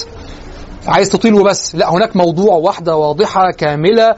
واستغرقت منك سبعين ثمانين مئة بيت وكذا وكله على جودة عالية. آه أنت فحل تستطيع. واضح. نرجع إلى السورة القرآنية. هناك من يقول هناك من يقول الإعجاز في البلاء في السورة القرآنية يحدث بما تقع به البلاغة العالية في القصيدة عادة. يعني متى تبدأ تشعر بأن الشاعر فحل من قصيدة تبدأ من ماذا؟ من 20 بيت؟ من 25 يعني متى تبدأ بالشعور بالإطالة؟ طبعا لا يمكن حدها بعدد أبيات بشكل معين هناك تفاوت يحدث ما بالنظر إلى الجودة إلى البيئة إلى كذا لكن تستطيع أن تقول بحدود يعني تستطيع أن تقول يعني هم حددوها هم حددوها القصيدة سبعة أبيات أقل من سبعة أبيات اسمها مقطوعة سبعة أبيات إلى تسعة أبيات قصيدة قصيرة عشرة أبيات متوسطة إلى تسعة عشر بيتا متوسطة. عشرين بيت قصيدة طويلة. فتستطيع أن تقول تبدأ البلاغة من قصيدة تبلغ عشرين بيتا مثلا. لماذا؟ لأنها خلاص قربت ثلاث قصائد قصيرة. فجمعت قصيدة طويلة. تبدأ من هنا يبدأ من هنا الخرق يتسع على الراقع و... ويتسع الأمر على الشاعر ولن يسده إلا فحل. حتى تكون القصيدة كما يقول الجاحظ قد تكون القصيدة كالبيت. واضح؟ ملتئمة ملتحمة لست مترامية هكذا مفككة حكم هكذا هنا وهنا مجموعة فقط واضح؟ فقال أصحاب هذا القول يقولون القصيدة السورة ندرس إعجازها أو تبدأ الإعجاز مما تبدأ به البلاغة في القصيدة عادة يعني تبدأ هكذا من طوال المفصل أو من أوسط المفصل وكذا وأما القصائد القصيرة لا تثبت بها لا تثبت, لا تثبت بها الإعجاز. هذا قول موجود. مع إيمانك بأن الجميع كلام الله. ولا تستغرب لماذا التوراة والإنجيل ليس معجزين وهما كلام الله. لا هذه أنا أنقلها إليكم هذه حاشية وجدتها حاشية على آه، على بعض النسخ العراقية من روح المعاني روح المعاني مؤسسة الرسالة. هذه أجود نسخة نسخة كمان النسخة المصرية القديمة مجتزأة ناقصة. واضح؟ ف وجدوا هذا يعني نقلوا وضعوا طبعوا في الكتاب هذه الحاشية أن هناك من يقول بكذا وكذا. هل ذكر الاسم عهد به بعيد سنوات؟ لا أذكر يعني. نعم. واعلم أن غير القرآن من الكتب إنما نزل جملة. غير القرآن نزل جملة. واعلم أن غير القرآن من الكتب إنما نزل جملة وكاد أن يكون ذلك إجماعا كما ذكره السيوطي. وأنكره برهان الدين البقاعي. والصواب الأول يشهد له أن المشركين قالوا لولا أنزل عليه. القرآن جملة واحدة. أي كما أنزلت التوراة. طيب من من أول من أقرب أهل الكتاب يعرفهم القرشيون أو يعرفهم أهل يعرفهم العرب؟ اليهود. أصلا أول ما يقال أهل الكتاب ينصرف إلى اليهود. أول أول كل شيء. نعم. حتى وإن نص القرآن على أن الغير العرب يعني آه، أو على أن النصارى أقرب. نعم. والصواب الأول نعم انتهينا أي كما أنزلت التوراة فكان لهم علم سابق بحال نزولها. ثم قلت ينزل للحاجة خمسا وعشرا وأكثر وأقل وبعض آية وتنزل السورة جميعا كالفاتحة والأنعام والمرسلات والمعوذتين وغالب القرآن التفريق. تعرف أحوال ذلك من المصنفات في أسباب النزول وأكثر القرآن نزل مفرقا. قال مقيده عفى الله عنه. سخيفة. تظهر هنا عظيمة من عظيمات القرآن. فالقرآن ينزل مفرقا غير مرتب. تنزل آية وآيات من سورة وآية من سورة أخرى وتنزل الآيات من في السورة قبل آيات تسبقها في ترتيبها ضمن السورة يعني في السورة الواحدة. وذلك فضلا أي يكون فضلا يقع فضلا عن عن اختلاف السور نفسها في الترتيب. يعني هناك بعد ذلك الترتيب في السور. ثم يبين الله سبحانه لنبيه صلى الله عليه وسلم مواضع تلك التنزلات من السور ليجتمع وينتظم في لحمة قرآنية آه، تبلس أفصح العرب. الإبلاس الذي هو قلنا ذاك الإعجاز. من صاحب مصطلح الإعجاز؟ ها؟ المعتزلة. هو أصلا مصطلح كلامي مصطلح اعتزالي الإعجاز القرآن الذي يعجز. والأصل في الإعجاز عندهم الصرف أو عند كثير منهم قول مشهور يعني. نعم. ليجتمع وينتظم في لحمة قرآنية تبلس الأصل الإبلاس. أبلس. تبلس أفصح العرب. وكأنما نزلت مسبوكة لم يتقطع نزولها ولم يسابق بعض آياتها بعضا. وهو من الأبواب التي يتأكد بها الإعجاز. وأقول يتأكد لا يتحقق لأن الإعجاز تحقق بكثير من النازل مفرقا. فهمتم؟ كثير من الأجزاء النازلة مفرقة تحقق بها الإعجاز بالقدر الذي نزلت به على الخلاف في القدر الذي يحدث به الإعجاز. لكن بعد ذلك يتأكد الإعجاز بتمام الصورة. فهناك مراتب أخرى. حينما كنت أناقش مع بعض الشيوخ وانتبهوا إلى هذه المزالق مهمة جدا. كنت أناقش معه أقوال الملحدين الذين يطعنون في القرآن. فكنت أناقش معه على مستوى السورة القصيرة. مستوى السورة القصيرة. وعلى مستوى مقاديرها من الآيات هل هذا معجز؟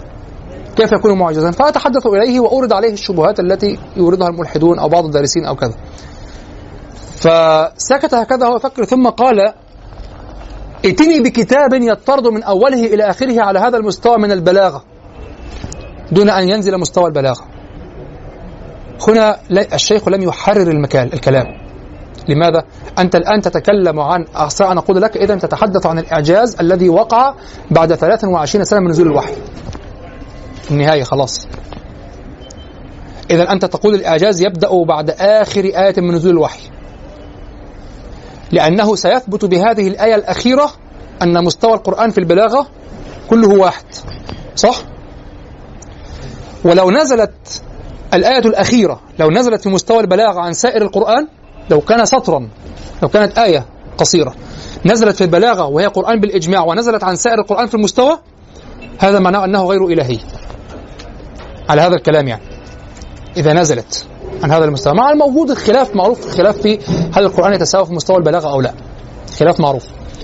لكن إذا كنت تحتج بأنه. ماء واحد يعني أملس المتن هكذا في البلاغة متساو في البلاغة كما يقول الباقلاني وهو القول المشهور فهذا معناه أن آخر آية إذا نزلت نازلة عن هذا المستوى إذا هذا ليس ليس بليغا أو ليس معجزا. وقد تشكك بعد ذلك في إلهيته. لكن طبعا إلهيته لا تتعلق بإعجازه البلاغي وإلا فالتوراة الإنجيل إلهي وليس معجزا بلاغيا. واضح؟ طيب. فهذا عدم تحرير الكلام. لو أنك ناقشت في ذلك الكلام آه لو أو لو, لو أن هذا الشيخ ناقشه ناقشه شخص ملحد أو كذا سيقول الشيخ يتهرب.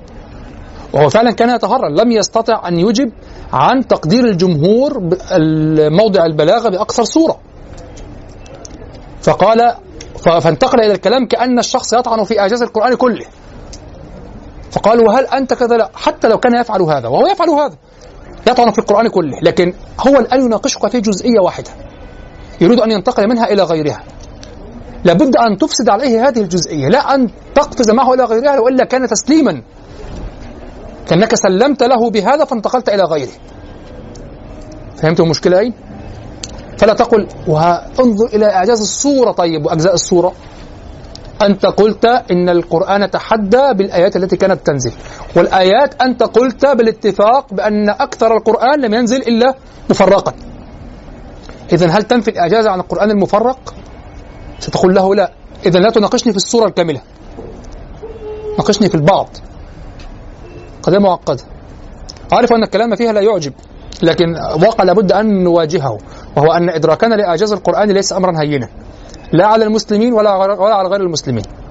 كنت أجلس مع أحدهم فطرح لي هو شاب ملحد يعني وكان زارني في البيت فتحدثنا في هذه المسألة. فقال أتى ببعض الصور وقال هذه الصور أنا أستطيع الآن لو كان عندك يعني محايدة بلاغية وبيانية وذوقية أستطيع الآن لولا أن محمد صلى الله عليه وسلم هو بيقول لي لولا أن النبي هكذا تكلم صلى الله عليه وسلم فيقول لولا أنه أراد أن يختم بهذا التأثير الصوتي هذا السجع يعني لولا ذلك لا استطعت أن أضع لك كلمات هي أبلغ من هذه الكلمات لكنه ارتبط بالصوت فقلت له حتى في قانون السجع في النثر إذا أرادوا أن يعني آه، آه، حتى يجود السجع هو يقول أنا أقول له حتى يجود السجع واكتشفت أنه دارس هذا الكلام. لابد من ماذا؟ لابد أن يكون السجع تابعا للصوت وليس العكس. يعني حتى في النهاية إذا تساوى المعنيان قد يرجح بالمؤثر الصوتي. لكن إذا على معنى معين لا يتأدى به المعنى الصوتي لا يؤدى المعنى الصوتي لا يرجح بالمعنى الصوتي. سيكون الأمر تحسينيا بديعيا محضا على حساب المعنى الأولى الذي هو الأصل الذي هو نواة الكلام المعنى. واضح؟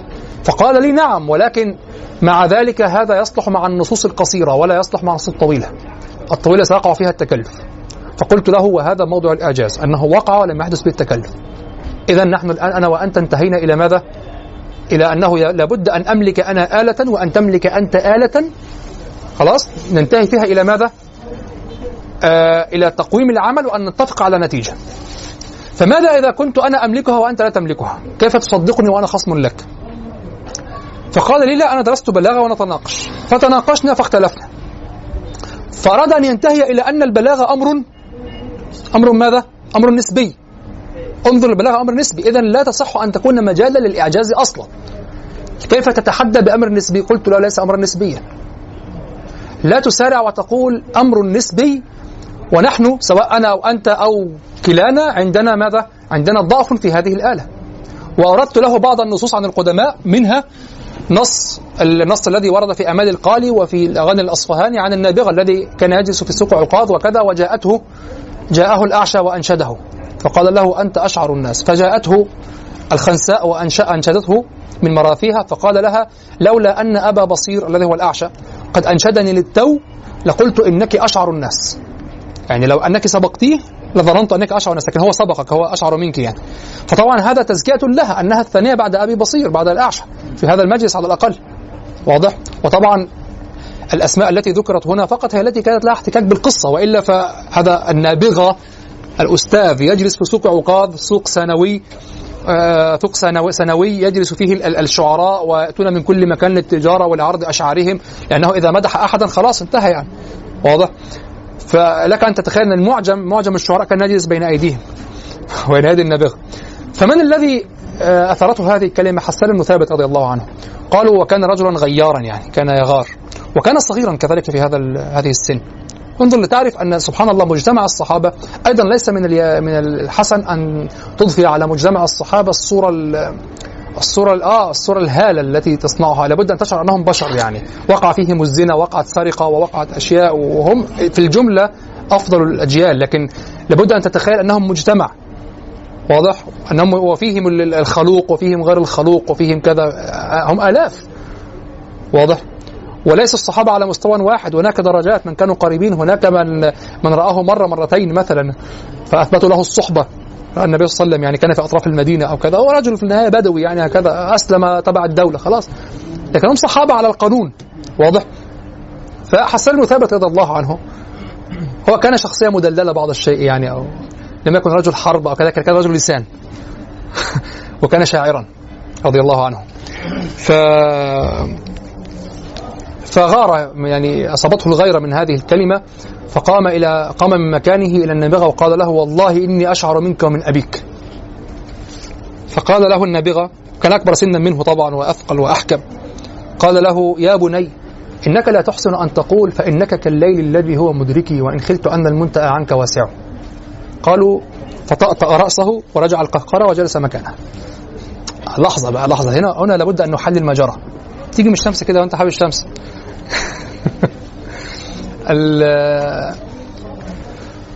هنا هناك نقطة. لو كانت هذه الأمور نسبية كان يمكن حسان بن ثابت عاجز عن أن يأتي له ببيت عالم من شعره وكان له له في الج- في الجاهلية. طبعا هذا حديث في الجاهلية وشعره في الجاهلية عال أعلى بكثير. وأشعر الأنصار. هل كان عاجزا عن يأتي له بشعر؟ أو ببيت يقول له هذا أشعر فقل له هذا أشعر قول هذا رأيي وهذا رأيك. كان ما كان عاجزا. لكن أنا أقول دائما النابغة رجل حقيقي وحسان حقيقي وأبو الأعشى حقيقي والخنساء حقيقية وكل الجيوش حقيقيون. ولو كابر خلاص شهر به. آه، أنت أنت تفعل سفها. الآن كنا جميعا نعلم أنك لا تقدر على هذا البيت. النابغة قاله فإنك يقول النعمان بن المنذر فواضح أنه شهر في الناس. حسان بن ثابت أنا أريدك أن تتخيل وأنت تدرس هذه القصيدة للنابغة فإنك كالليل الذي هو مدركي وإن خلت أن المنتأى عنك واسع في هذه العينية. أريدك أن تتخيل وأنت تدرسها أن حسان بن ثابت يعلم أنه عاجز عنها وكل من في السوق يعلمون أنهم عاجزون. حتى إذا شعرت أن البيت سهل ولطيف شك في نفسك. القضية هنا وأنا قلتها للبعض كثيرا يعني. البعض جاء إلى إلى قول امرئ القيس آه، ويرب يوم قد لهوت وليلة بآنسة كأنها خط تمثالي فقال لي بعضهم يعني أخبرني أين البلاغة في هذا الكلام العادي؟ فقلت له والله لو صدقت نفسك لقلت قل هو الله أحد أسهل. من كثرة أنها يسرت لك. فرق بين التلقي والفهم وبين الإنشاء. وهذا مما نبه عليه الشافعي ونبه عليه كثيرون. أنك تستسهل الكلام وتظن أن إنشاءه سهل بل نص على أن أصعب الشعر وأعوص الشعر ما إذا سمعته ظننت أن ظننت أنك تقول مثله. سهل. الشعر ال- ال- المتكلف ده الثقيل التقديم وتأخير وكذا هذا الشعر بالمناسبة آه هذا الشعر أسهل أسهل بكثير. لماذا؟ أنت هذا هذا التركيب التعقيد في الحقيقة ليس من إتقان الشاعر. يعني قصيدة بدر الدريع التي يقول فيها فؤادك أولى بالعتاب معاتبه تجاسرك المضنيك ليست رغائبه. هو أعضل عليه كثيرا في هذه القصيدة أصلا. يعني يعني هذا التعقيد الذي فيه ليس ليس تمكنا. التمكن في التخلص من التعقيد. لكن هذه النتيجة ال- ال- هذه الجعلصة التي ظهرت في القصيدة واضح؟ هذا عجز في الحقيقة. في هذا هو ربط نفسه بالقافية به. فحتى يستطيع أن يأتي ببه. على ال- الضمير مع الباء المضمومة بهذا الشكل وضمير الهاء. هذا هذا ال ال ال ال يعني أثره ظهر في كل البيت. شرخ في كل البيت. كل سمع. عارف الت- الت- الت- التعقيدة اللي في الآخر دي؟ جعلته يدبر كل البيت حتى يحافظ على كلمة اختارها في آخر البيت. فؤادك أولى بالعتاب معاتبه. تجاسرك المضنيك ليست رغائبه. تعرف هذا من ماذا؟ إذا درست التقديم والتأخير الذي خرج به عن المألوف وجدت أنه لا ينبني عليه معنى كان يتخلص فهمت؟ قصيدته خليلي ماذا؟ بالعشي ترجلي إزاء رسوم دارسات وجندلي هذه أسهل بكثير لأن قافية اللم كثيرة وسهلة فاستطاع أن يكون كما نقول براحته في البيت ثم يجد لفظة جيدة لآخر البيت فهمتم؟ فسهولة السورة القرآنية ليست دليلا على أنها ليست معجزة فهمتم الكلام؟ وحينما تسمع هذا البيت فإنك كالليل الذي هو مدركي وإن خلت أن المنتهى عنك واسع عليك أن تبحث عن البلاغة فيه التي تجعل حسان بن ثابت الذي هو من الفحول بالإجماع يطأطئ رأسه بعد هذا الهياج ويجلس وكله يسكت ويقر النابغة. والنابغة يسكته بكلمة يعني لم لم في بعض الروايات أنه أخذ بيده هكذا وقال له يا بني إنك لا تحسن أن تقول. مباشرة لا تحسن أن تقول. فإنك كالليل الذي هو مدركي وإن خلت أن المنتهى عنك واسع فرجع القهقرة وسكت وانتهى خلاص. فإن الله خلاص. الذي يتكلم سيفضح انتهى. في بيت كهذا فأنت تحترس وأن تدرس هذا البيت. فهمتم؟ فقلت له هذه القصة قلت له أيضا ليس كما تقول. بأنها نسبية. الأقرب أنك أنت عندك مشكلة في الإدراك. إذا أصبحت مشكلتي معك الآن في أنني أريد أن أضع معك الآلة احضر بقى مجلس الشعرية عشان يبقى عندك الآلة الفهم الإيه الكلام. طيب وإذا لم يفهم هذا الكلام فهو الأعجمي سواء حينما تقرؤون كتاب إعجاز القرآن الباقلاني يقول إعجاز القرآن لا يدركه كل العرب ليس حتى كل الجاهليين. يقول البقلاني يقول في الكتاب يقول إنما يدركه المتناهي في الفصاحة وغير المتناهي في الفصاحة هو والأعجمي هو الفارسي والرومي سواء إعجاز القرآن اللغوي. قام حجة على العرب فقط أم غير العرب كذلك؟ يكون شبهة. كيف قام على غير العرب نعم آه، يظن أنهم لم يتكلموا فيه يعني. هناك نوعان من إقامة الحجة. إقامة الحجة بحدوث, بحدوث العلم الضروري وإقامة الحجة بحدوث العلم الاستدلالي. ضروري واستدلالي. مثاله قصة موسى عليه السلام.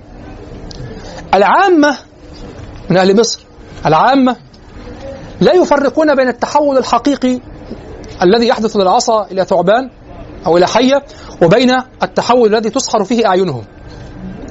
هناك تحول حقيقي للمادة هو الإعجاز. وهناك تحول متوهم. سحر العيون. سحر العيون دي بس مش سحر العيون. هذا سحر العيون يعني. عيون المصريين مش واضح؟ وفيها أفاعي وحاجات تانية. يسحرون الأعين فقط. طيب من الذي يدري هذا التحول حقيقي أم سحر أعين؟ السحرة أهل العلم. الذين يقابلون في قضية إعجاز القرآن المتناهين في الفصاحة. تقوم الحجة بالعلم الضروري على السحرة.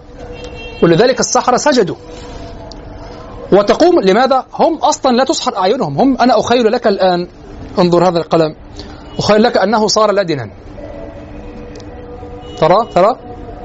صار صار لدنا كاوتشيا ها. صح؟ ها سحرت عينك. لكنني أعلم أنه لم يصل كذلك. آه، جميل ها؟ وهذا كذلك يمكن يعني. وهذا لعله أوضح لأنه أبيض. انظر.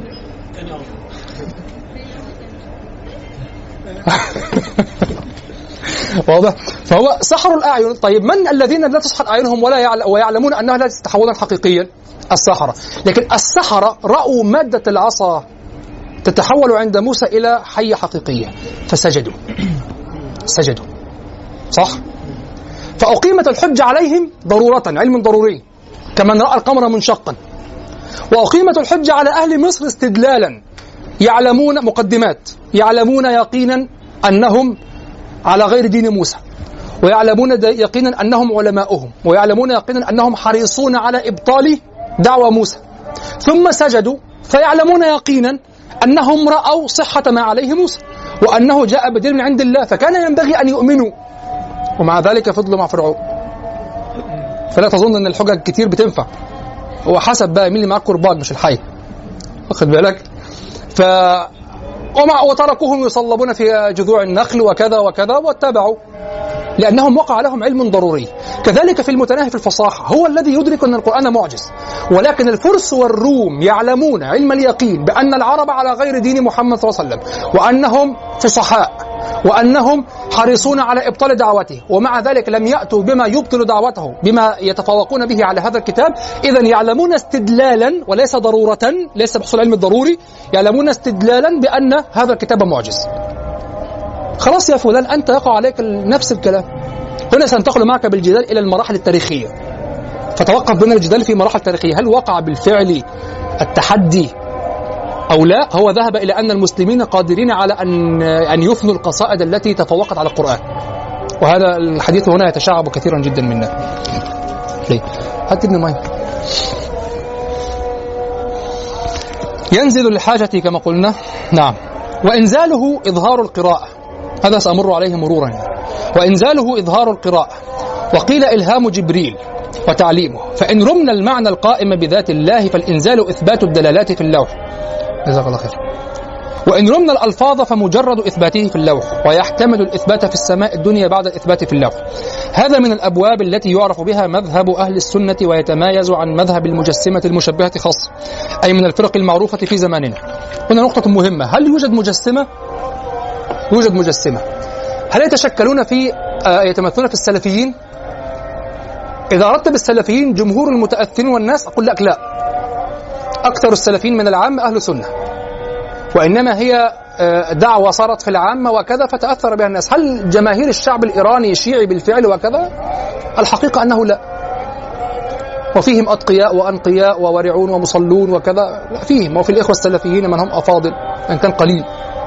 لكن فيهم في من هم أفاضل يعني ودائما هم في صراع مع مع مبادئهم التي أخذوها من ال ال ال ال ال الأصول السلفية. لأن الأصول السلفية في الأصل سيئة ليست حسنة بالمرة. نعم. ولكن هل هناك بالفعل مجسمة؟ هل هناك من يعتقدون صوت الله وأنها نبرة صوت الله وأن الصوت هذا التردد الذي يخرج عن التقاء جسمين أو كذا؟ هناك من يعتقدون ذلك. هناك من يعتقدون ذلك بالفعل. واضح؟ لكن الله سبحانه وتعالى يتعالى عن ذلك يجل عن ذلك سبحانه وتعالى أن تقول إن صوته هو الصوت بهذا المفهوم الذي يصل إلى الأسماع ناتجا عن التقاء مخرجين كما يعرف أهل التجويد. الصوت ما هو الصوت؟ الصوت هل له حقيقة؟ سؤال الصوت له حقيقة أو لا؟ الصوت. يعني هل يوجد شيء اسمه صوت؟ ها؟ يعني ينفع أجمع مادة صوت كده وأركزها وأحطها في أنبوبة غاز؟ ده ينفع في شركة مراقبين تخزين الصوت. ترددات. الصوت كيفيات يا إخوة؟ الصوت كيفيات. كيفيات صوت. كيفيات هواء. حركات. تفهمون ولا لا؟ تكثيفات معينة. كيفيات في النهاية. هل يوجد ألوان؟ ألوان. هل في حاجة اسمها لون؟ مش حاجة اسمها لون. هو زاوية انعكاس ضوء بشكل معين. ما فيش حاجة اسمها لون يا جماعة اللون السائل ده مش لون. دي مية وحاجات ومحطوط عليها الحاجات اللي بتعكس اللي بتعكس بنفس الدرجة عشان تدي نفس اللون. فبيحط الحاجة اللي بتعكس عشان تخلي الثانية كمان تعكس. لكن اللون كيفيات مفيش حاجة اسمها لون في الحقيقة. لا يوجد ما يسمى اللون. لون مفيش لون. والله ما في لون. اللون ده كيفيات أعراض. واضح هي في النهاية في أجرام لكن هذه ال- ال- الألوان والكذا لا كذلك الصوت. فالصوت ينتج عن ماذا؟ عن طرقات معينة طرقات التقاء أجسام أجرام. ينتج عنها كيفية تردد. تصل هذه الكيفية إلى أذنك فتحدث فيها كيفية كذلك. تفضل.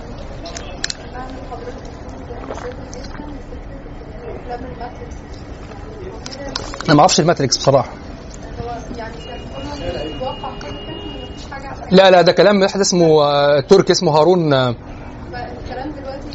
ده هارون ده بيقول انت ممكن أصلا تكتشف ان كل ده كان حلم ملوش آه، وجود حقيقي. لا لا لا مش صح طبعا. لا طبعا مش صح. الحقيقة إن أنت اللي تخي... من كتر من كتر المجاز اللوني تخيلت إن المجاز ده موجود حقيقي هو مش حقيقة. يعني نقولها إزاي؟ جلدي أبيض وجلد أخينا أسمر.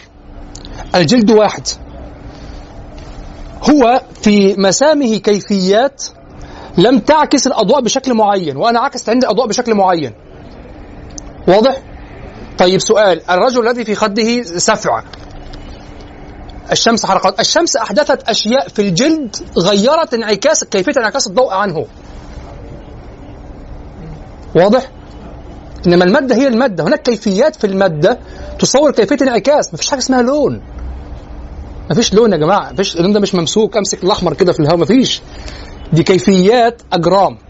يعني نفس اللون الذي تراه هذا ليس لونا هذا انعكاس. ها؟ زي كوس قزح كده امسك لي كده الألوان دي. كنت أنا قديم زمان آه، شفت كده عطر شركة عطور مرت علينا وعطتنا عطور فوجدت كده عطر الزمان اللانهائي. طب يتشم إزاي ده؟ قعدت أبتكر له خشب الصندل مثلا خشب العود. يعني عطر الزمان اللانهائي طب في اللانهائي قدام ولا ورا؟ يعني كيف أشم رائحة الزمان اللانهائي؟ أي تركيب ومشيها انت كلها تقريبات فهمتم؟ نعم لا أريد أن أتعمق في هذا وأنا ابغض أبغض هذه الأشياء في الحقيقة و لأنها أصلا أيضا تناقش اولا أخذت أكثر من حجمها بالنسبة لل... لها أصلا أصول سياسية وأخذت في أزماننا أكثر من حجمها هذا اولا ويستغلها تستغلها الأنظمة في التحريش بين الناس وكذا. هذا ثانيا. وثالثا هي لا تدرس على أصولها أصلا. ولذلك أنا لست مع تناول هذه القضايا بهذا الشكل. وكما وللاسف الشديد للأسف الشديد يعني مما يدلك على هذا الذي قلته في الأول وهو آه هذا الفساد الذي نعيشه في الثقافة العامة وفي انشغال الطبقات الدنيا بالعلوم وبالتمشيخ وكذا. ترى الاشعري لا يرى عدوا للس- لل- لل- للسنة إلا السلفي والسلف لا يرى إلا الاشعري أصلا أصلا علم الكلام قام يعني في المقام الأول لأجل ال- ال- الذين يلحدون ولأجل الذين يطعنون في الدين ولأجل النصارى ولأجل كذا. يعني هناك من هو عدو أصلا كبير. واضح؟ لكن أصبح علم الكلام عندك طب حد يكلمك على حد ملحد تشعر ان الأمر بسيط وهين. لا ليس بسيطا ولا هينا. هناك من يطعن في قرآنك ومن يطعن في عقيدتك وفي توحيدك وكذا وكذا وأنت منشغل بالخلافات الداخلية جوه العشة يعني. فاهم؟ في ناس ما ينفعش يطلعوا من على السطوح هو جوه السطوح. للأسف الشديد. ولذلك أنا ابغض تناول هذه الأشياء لأنها تذكرني بهذه البيئات يعني. وفي الحقيقة أنا لست معاديا لهذه الأطراف من باب أنني أشعري. لست أشعريا أيضا بهذا النمط الذي يقال يعني. يعني تستطيع أن تقول أننا أقرب إلى التفويض. أقرب إليه. وإن كنت لا أقول إني مفوض أيضا هكذا. أقرب إلى التفويض. أنني لا أتناول أقول الله أعلم بمرادها. أنفي فقط ما يقتضي التشبيه وأنفي ما لا يليق بجلاله سبحانه ثم الله أعلم بمرادها. عندي ما أنشغل فيه من الشعر ومن الدراسة الأخرى وكذا وكذا والله أعلم. وهذا مذهب جماهير السلف. لم يتناولوها أصلا. والتأويل ليس هينا. حينما ترى سفيها يقول لك أنا أشعري قح ده هذا لا يفهم شيء هذا مراهق. حتى لو كان سنه كبير مراهق فكر. هذا مراهق هو فقط يعادي السلفية ليس أكثر. هذه أمور خطيرة جدا وينبغي أن ألا تقول فيها إلا بما ترضى أن تلقى الله سبحانه وتعالى به. هل تستطيع أن تلقى الله بهذا الكلام أو لا؟ هذا هو. طيب. قلت أهل السنة يأبون تفسير النزول بالحركة من علو إلى سفل بأن يكون القرآن تحرك من مكان هو لله أو من مكان لله هو العلو لينتقل هابطا إلى مكان. انظر أتكلم بالمكان. أن العلو لله ثابت لله سبحانه وتعالى والله في السماء بنص الحديث. نعم. بأن يكون القرآن تحرك من مكان لله هو العلو لينتقل هابطا إلى مكان للبشر هو الأرض. إذ يقتضي المكانية والتحيز في حق الله تعالى الله عما يقولون علوا كبيرا. كذلك فإن الكلام في هذا الباب لا تتصور فيه معاني الإنزال على حقيقتها في وضع اللغة إذ هو الإيواء ويقتضي المكان أو هو الحركة من علو إلى سفل ويقتضيه كذلك أي المكان. فيكون الإنزال مستعملا في الكلام مجازا. ويكون إنزال القرآن هو إظهار القراءة. هذا مذهب الجماهير. انتبهوا. أو أنه نزل به جبريل من السماء. بعد أن علمه الله تعالى إياه. هذا القول الثاني. بعد أن علمه الله تعالى إياه فنزل به إلى الأرض. فيكون الملك هو المنتقل من علو إلى سفل. يعني أنزله الله يعني أنزله عليك بعد أن أوحاه إلى جبريل. أنزله عليك بواسطة جبريل وهنا لا إشكال في الانتقال. من علو إلى سفل حقيقي. وليس أن الله أنزله منه إلى الملك. انتقال حقيقي من علو إلى سفل فهمتم الفرق؟ نعم. فيكون الملك هو المنتقل من علو إلى سفل وهو ما رجحه البيهقي في شعب الإيمان. بقية أشعري. وهو ما رجحه البيهقي في شعب الإيمان. وهذا المعنى قوي. ورجحه يا إخوة مذهب أهل السنة ليس الأشعرية ليس الماتريدية وليس كذا وليس كذا. هذه الطرق في الإثبات. هناك مس- مسالك في الإثبات. الإثبات يعني أو في التنزيه تنزيه الله سبحانه وتعالى. المذهب مذهب السنة هو تنزيه الله سبحانه وتعالى ولو بالتناقض. يعني الإخوة السلفيون يردون كلام شيوخهم لثقتهم بهم. ثم يناقض نفسه وينفي الجسمية أنت زي الفل. خليك سني كده جميل. أو مش فاهم أه بس مش مهم. أنا سعيد بك.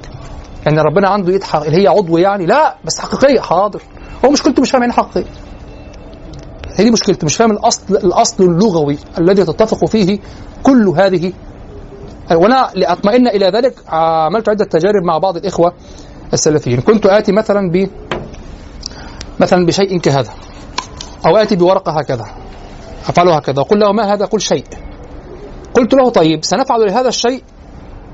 يعني شيئين من الجنب هكذا من من النصف الأعلى قليلا.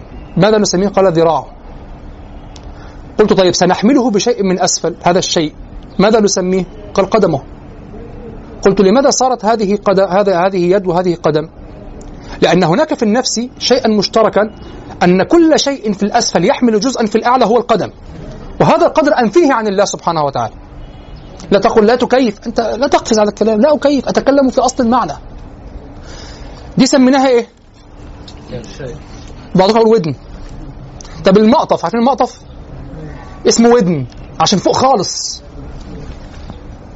الكرسي بتسمي اللي تحت رجل واللي فوق بتسميها ايد دي ايد ودي رجل ليه؟ ما ما المشترك الجزء السفلي والجزء العلوي أو الوسط الذي يقع من الإنسان في موضع اليد والقدم.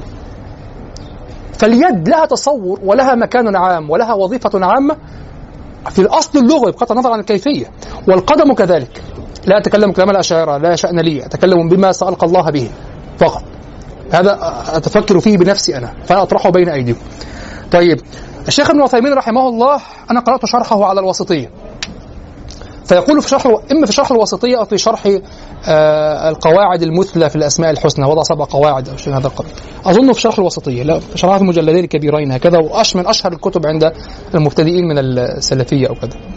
آه يقول هو يقول هذا الكلام. وهذا من أكثر النصوص التي نبهتني على بطلان هذا المذهب. يقول إذا كانت إذا قلت هو يقول إذا نظرت إلى النملة فوجدت لها قدم والفيل له قدم والعصفور له قدم والنعامة لها قدم. وهذه مخلوقات وتتفاوت يتفاوت مسمى القدم عندها هذا التفاوت العظيم. فكيف بأقدام الله وأقدام المخلوقات؟ أنت هكذا أغرقت في الاختلاف لكن أثبتت في الإثبات أغرقت في الإثبات أن هناك قدم لأن هناك رابط بين قدم الفيل وقدم النملة وقدم العصفور وهو ذلك العضو الذي يحملها. فأنت أثبتت اختلافا عظيما بين قدم الله وقدم المخلوقين في نفس الوقت أثبتت أنها قدم أيضا. على قدر ما نفيت أنها قدم. فهمتم؟ هذا النص من أكثر النصوص نبهتني مبكرا جدا وأنا صغير لما قرأت هذا الشرح أول ما خرج نبهتني إلى بطلان هذا المذهب بسرعة جدا. بسرعة. لا لا لا, لا يفهمون ما يقولون. حتى شيوخهم حتى ابن عثيمين رحمه الله. عارف أن هذا الكلام سيسيء لكن أو رحمه الله كان شيخا ورعا وأحسبه على خير دينا وكذا وكذا لكن هذا الكلام يحاول أن ينفي به ال ال ينفي به التشبيه أثبت به التشبيه. هذا إذا كان ينفون ينفون التشبيه هم لا لا ينفون التشبيه ينفون المثلية. يعني يكون ليس كمثله شيء. ينفون المثلية لا التشبيه. هم يقولون هكذا يقولون الله يشبه خلقه من بعض الوجوه. هذا نص كلامهم. نص كلامهم ليس تأويلا عليه لا هو نص كلامهم. وأظن اني قرأته لابن عثيمين. أنا هو ابن عثيمين قرأته له. قال الله نفى المثيل لا الشبيه. ليس كمثله وكأن الكاف ليست لنفي الشبيه أيضا. يعني مثله ليس يشبهه شيء. فهمتم؟ فلذلك أصل هذا المذهب في أصله مذهب قبيح وخطير ويقود إلى الكفر في النهاية. يقود إلى تجسيم الله تعالى وإلى الكفر. لكن هل السلفيون كذلك؟ لا هم أبسط من ذلك وأهون من ذلك بكثير وعامتهم من أهل السنة أصلا. وشيوخهم كثير منهم أهل السنة لأنك تتكلم معهم لا يفهمون.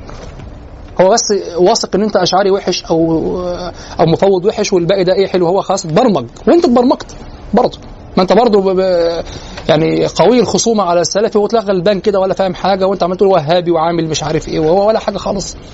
غلبان أخ غلبان جدا يعني. طيب بس هو النشأة اللي نشأها مخليها سليط ومتسلط ومدياله حق كده شايف نفسه بتاع جرح وتعديل وبتاع واغلب من الغلب. تحصل بس أي حادثة أي بتاع كده تلاقيه لابس سلسلة ومشي وتعرف إن هو كان بس منتفخ مش أكتر من كده. غلبان يعني؟ طيب بس هو غلبان سمج. عارف غلبان السمج؟ اتفضل مولانا. أنا أنا مش ببص لك أنا بتكلم عشان أخلص اللي بقوله مشكلة مشابهة الله بخلقه كما يقولون هم نصوا عليها مولانا. كان صدر منهم يعني أقول هذا نعم تفضل. هل أحد منكم قرأها لهم نعم أظن أني وقفت على مثلها نعم عند ابن عثيمين أنا قرأتها له سمعتها له أيضا. الذي يتخيل في ذهني أن المراد التقرير التمثيلي وأنهم يريدون بهذا نصا كما يقولون أن المشابهة بين الله وخلقه مشابهة في الألفاظ كما تقول إن الله له ذات وللمخلوق ذات يا ليتهم أخوكم يقول يقصدون مشابهة في الألفاظ يعني يقرب إلى النفس. مولانا لو سمعوك لضللوك. لماذا مولانا؟ يقول لا يقولون نفس الكلام في السمع والبصر عند أش- أشعرية. يعني بعضهم أتى لي وظن أنه بذلك يعني خلاص أفهم وهو دارس وكذا و... فأنا تعجبت أنه جاء منتفخا جدا ثم ألقى هذا الكلام. وأنا لا لست متخصصا لست قارئا كثيرا في هذا الباب لكن ظننته بهذه الطريقة أنه جاء قال لي تنفون اليد.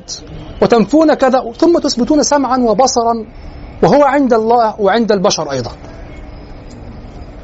فلا يفهم أن الص- صفة هو يقول يد حقيقية وقدم حقيقية. هو يقول هكذا ويقول القدم معروفة. والأشاعرة الذين هم من أشهر أهل السنة أو رؤوس أهل السنة ماذا يقولون؟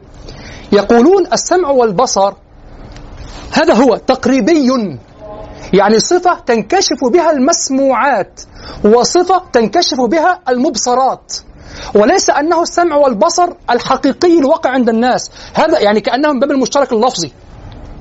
طب لماذا اضطررت لاستعمال هذا المشترك اللفظي بالنظر إلى المادة المسموعة المبصرة المادة المعلمة؟ ولذلك بعض الأشاعرة يقول السمع والبصر صفة واحدة هي الصفة تنكشف بها المسموعات والأبصار بالنسبة إلينا انكشافا واحدا. وإنما عددناها صفتين وهي في الحقيقة واحدة. لماذا؟ لأنها بالنظر بالتقريب بالإدراك البشري أنها هذه مسموعات لنا وهذه مبصرات لنا وقع علمها لله بصفة بصفة لا نعلم كنهها.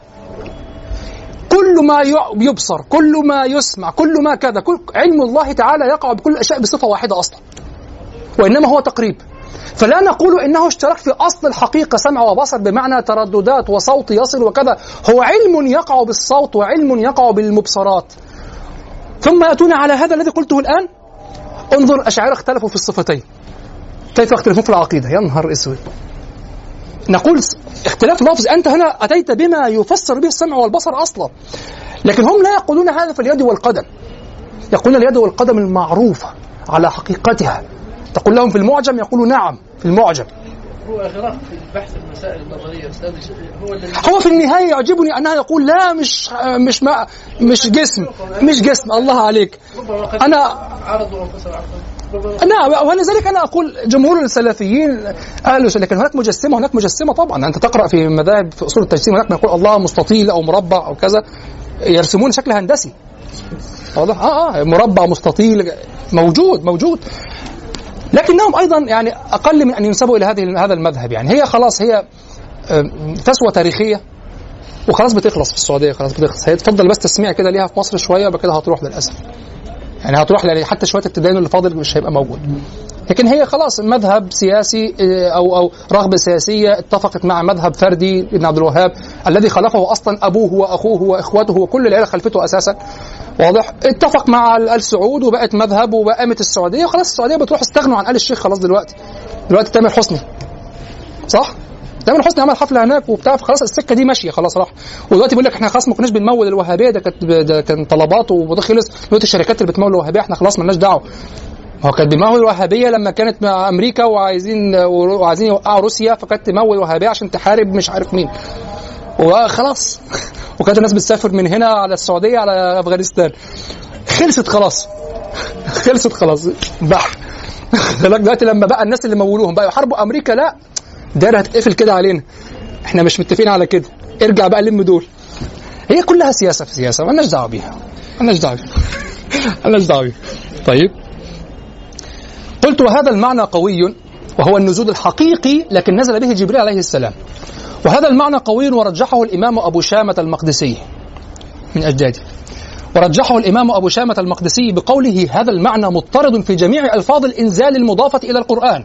أو إلى شيء منه يحتاج إليه أهل السنة هذا كلام أبو شامة المقدسي. أو إلى شيء منه يحتاج إليه أهل السنة المعتقدون قدم القرآن وأنه صفة قائمة بذات الله تعالى. آه كذلك شيء آخر لغوي ونزلناه تنزيلا. وما قالوه من أن التكرار تكرار اللفظ يرفع المجاز. واضح؟ نعم. وأنا أستأذنك في ماء لو سمحت. يعني تنسيت. ماشي قلت أما القول بالحروف والأصوات فهي من فظائع المشبه. يعني أن يكون صوتا لله سبحانه وتعالى. هذا هو. وباب القول أوسع من باب الصوت. باب القول أن نقول قول الله وكلام الله أوسع من الصوت. أنا أقول لك قال امرؤ القيس أنت سمعته؟ ولم يسمعه إلا من كان معه إلا الرواة الذين رووا عنه الشعر. لكنه قال هو كلامه. واضح؟ ثم قلت والقرآن كتاب الله ومعناه فلا يؤدى بالثاني والسنة بالثاني. أي نص المكتوب ومعناه آه شفت اللي أنا عملته إيه؟ حتى سبحان الله ما فهمتش نفسي بعد كده. قلت القرآن كتاب الله ومعناه. كتاب الله أردت منها ليس الكتاب العالم. كتاب الله يعني كتاب يعني اللفظ المكتوب. شوف التحزلق والتكلف. أردت أن أنشئ متنا على طريق الأزهريين الذين يريدون أن ينفوا أن ينفوا عن المتن ما يعني آه، الكس الكسالى الذين لا يتعبون على فكه. مش عارف شفت بقى نفسي كده. والقرآن كتاب الله يعني كتابة يعني الكتابة المكتوبة هي كلام الله. يعني هذا المكتوب. هذا النص بترتيبه بنظمه. لكن أقول كلام الله ومعناه بحيث أن الكلام ين... إذا قلت ومعناه فالكلام ينصرف إلى إلى اللفظ. فأنا أعدله في الطوات الجديدة إن شاء الله. والقرآن كلام الله ومعناه فلا يؤدى بالثاني والسنة بالثاني أي نص المكتوب ومعناه كلاهما من الله تعالى. وليس هو المعنى الذي يؤديه الرسول صلى الله عليه وسلم مستعملا لفظ نفسه. كيف لماذا الصلاة هنا؟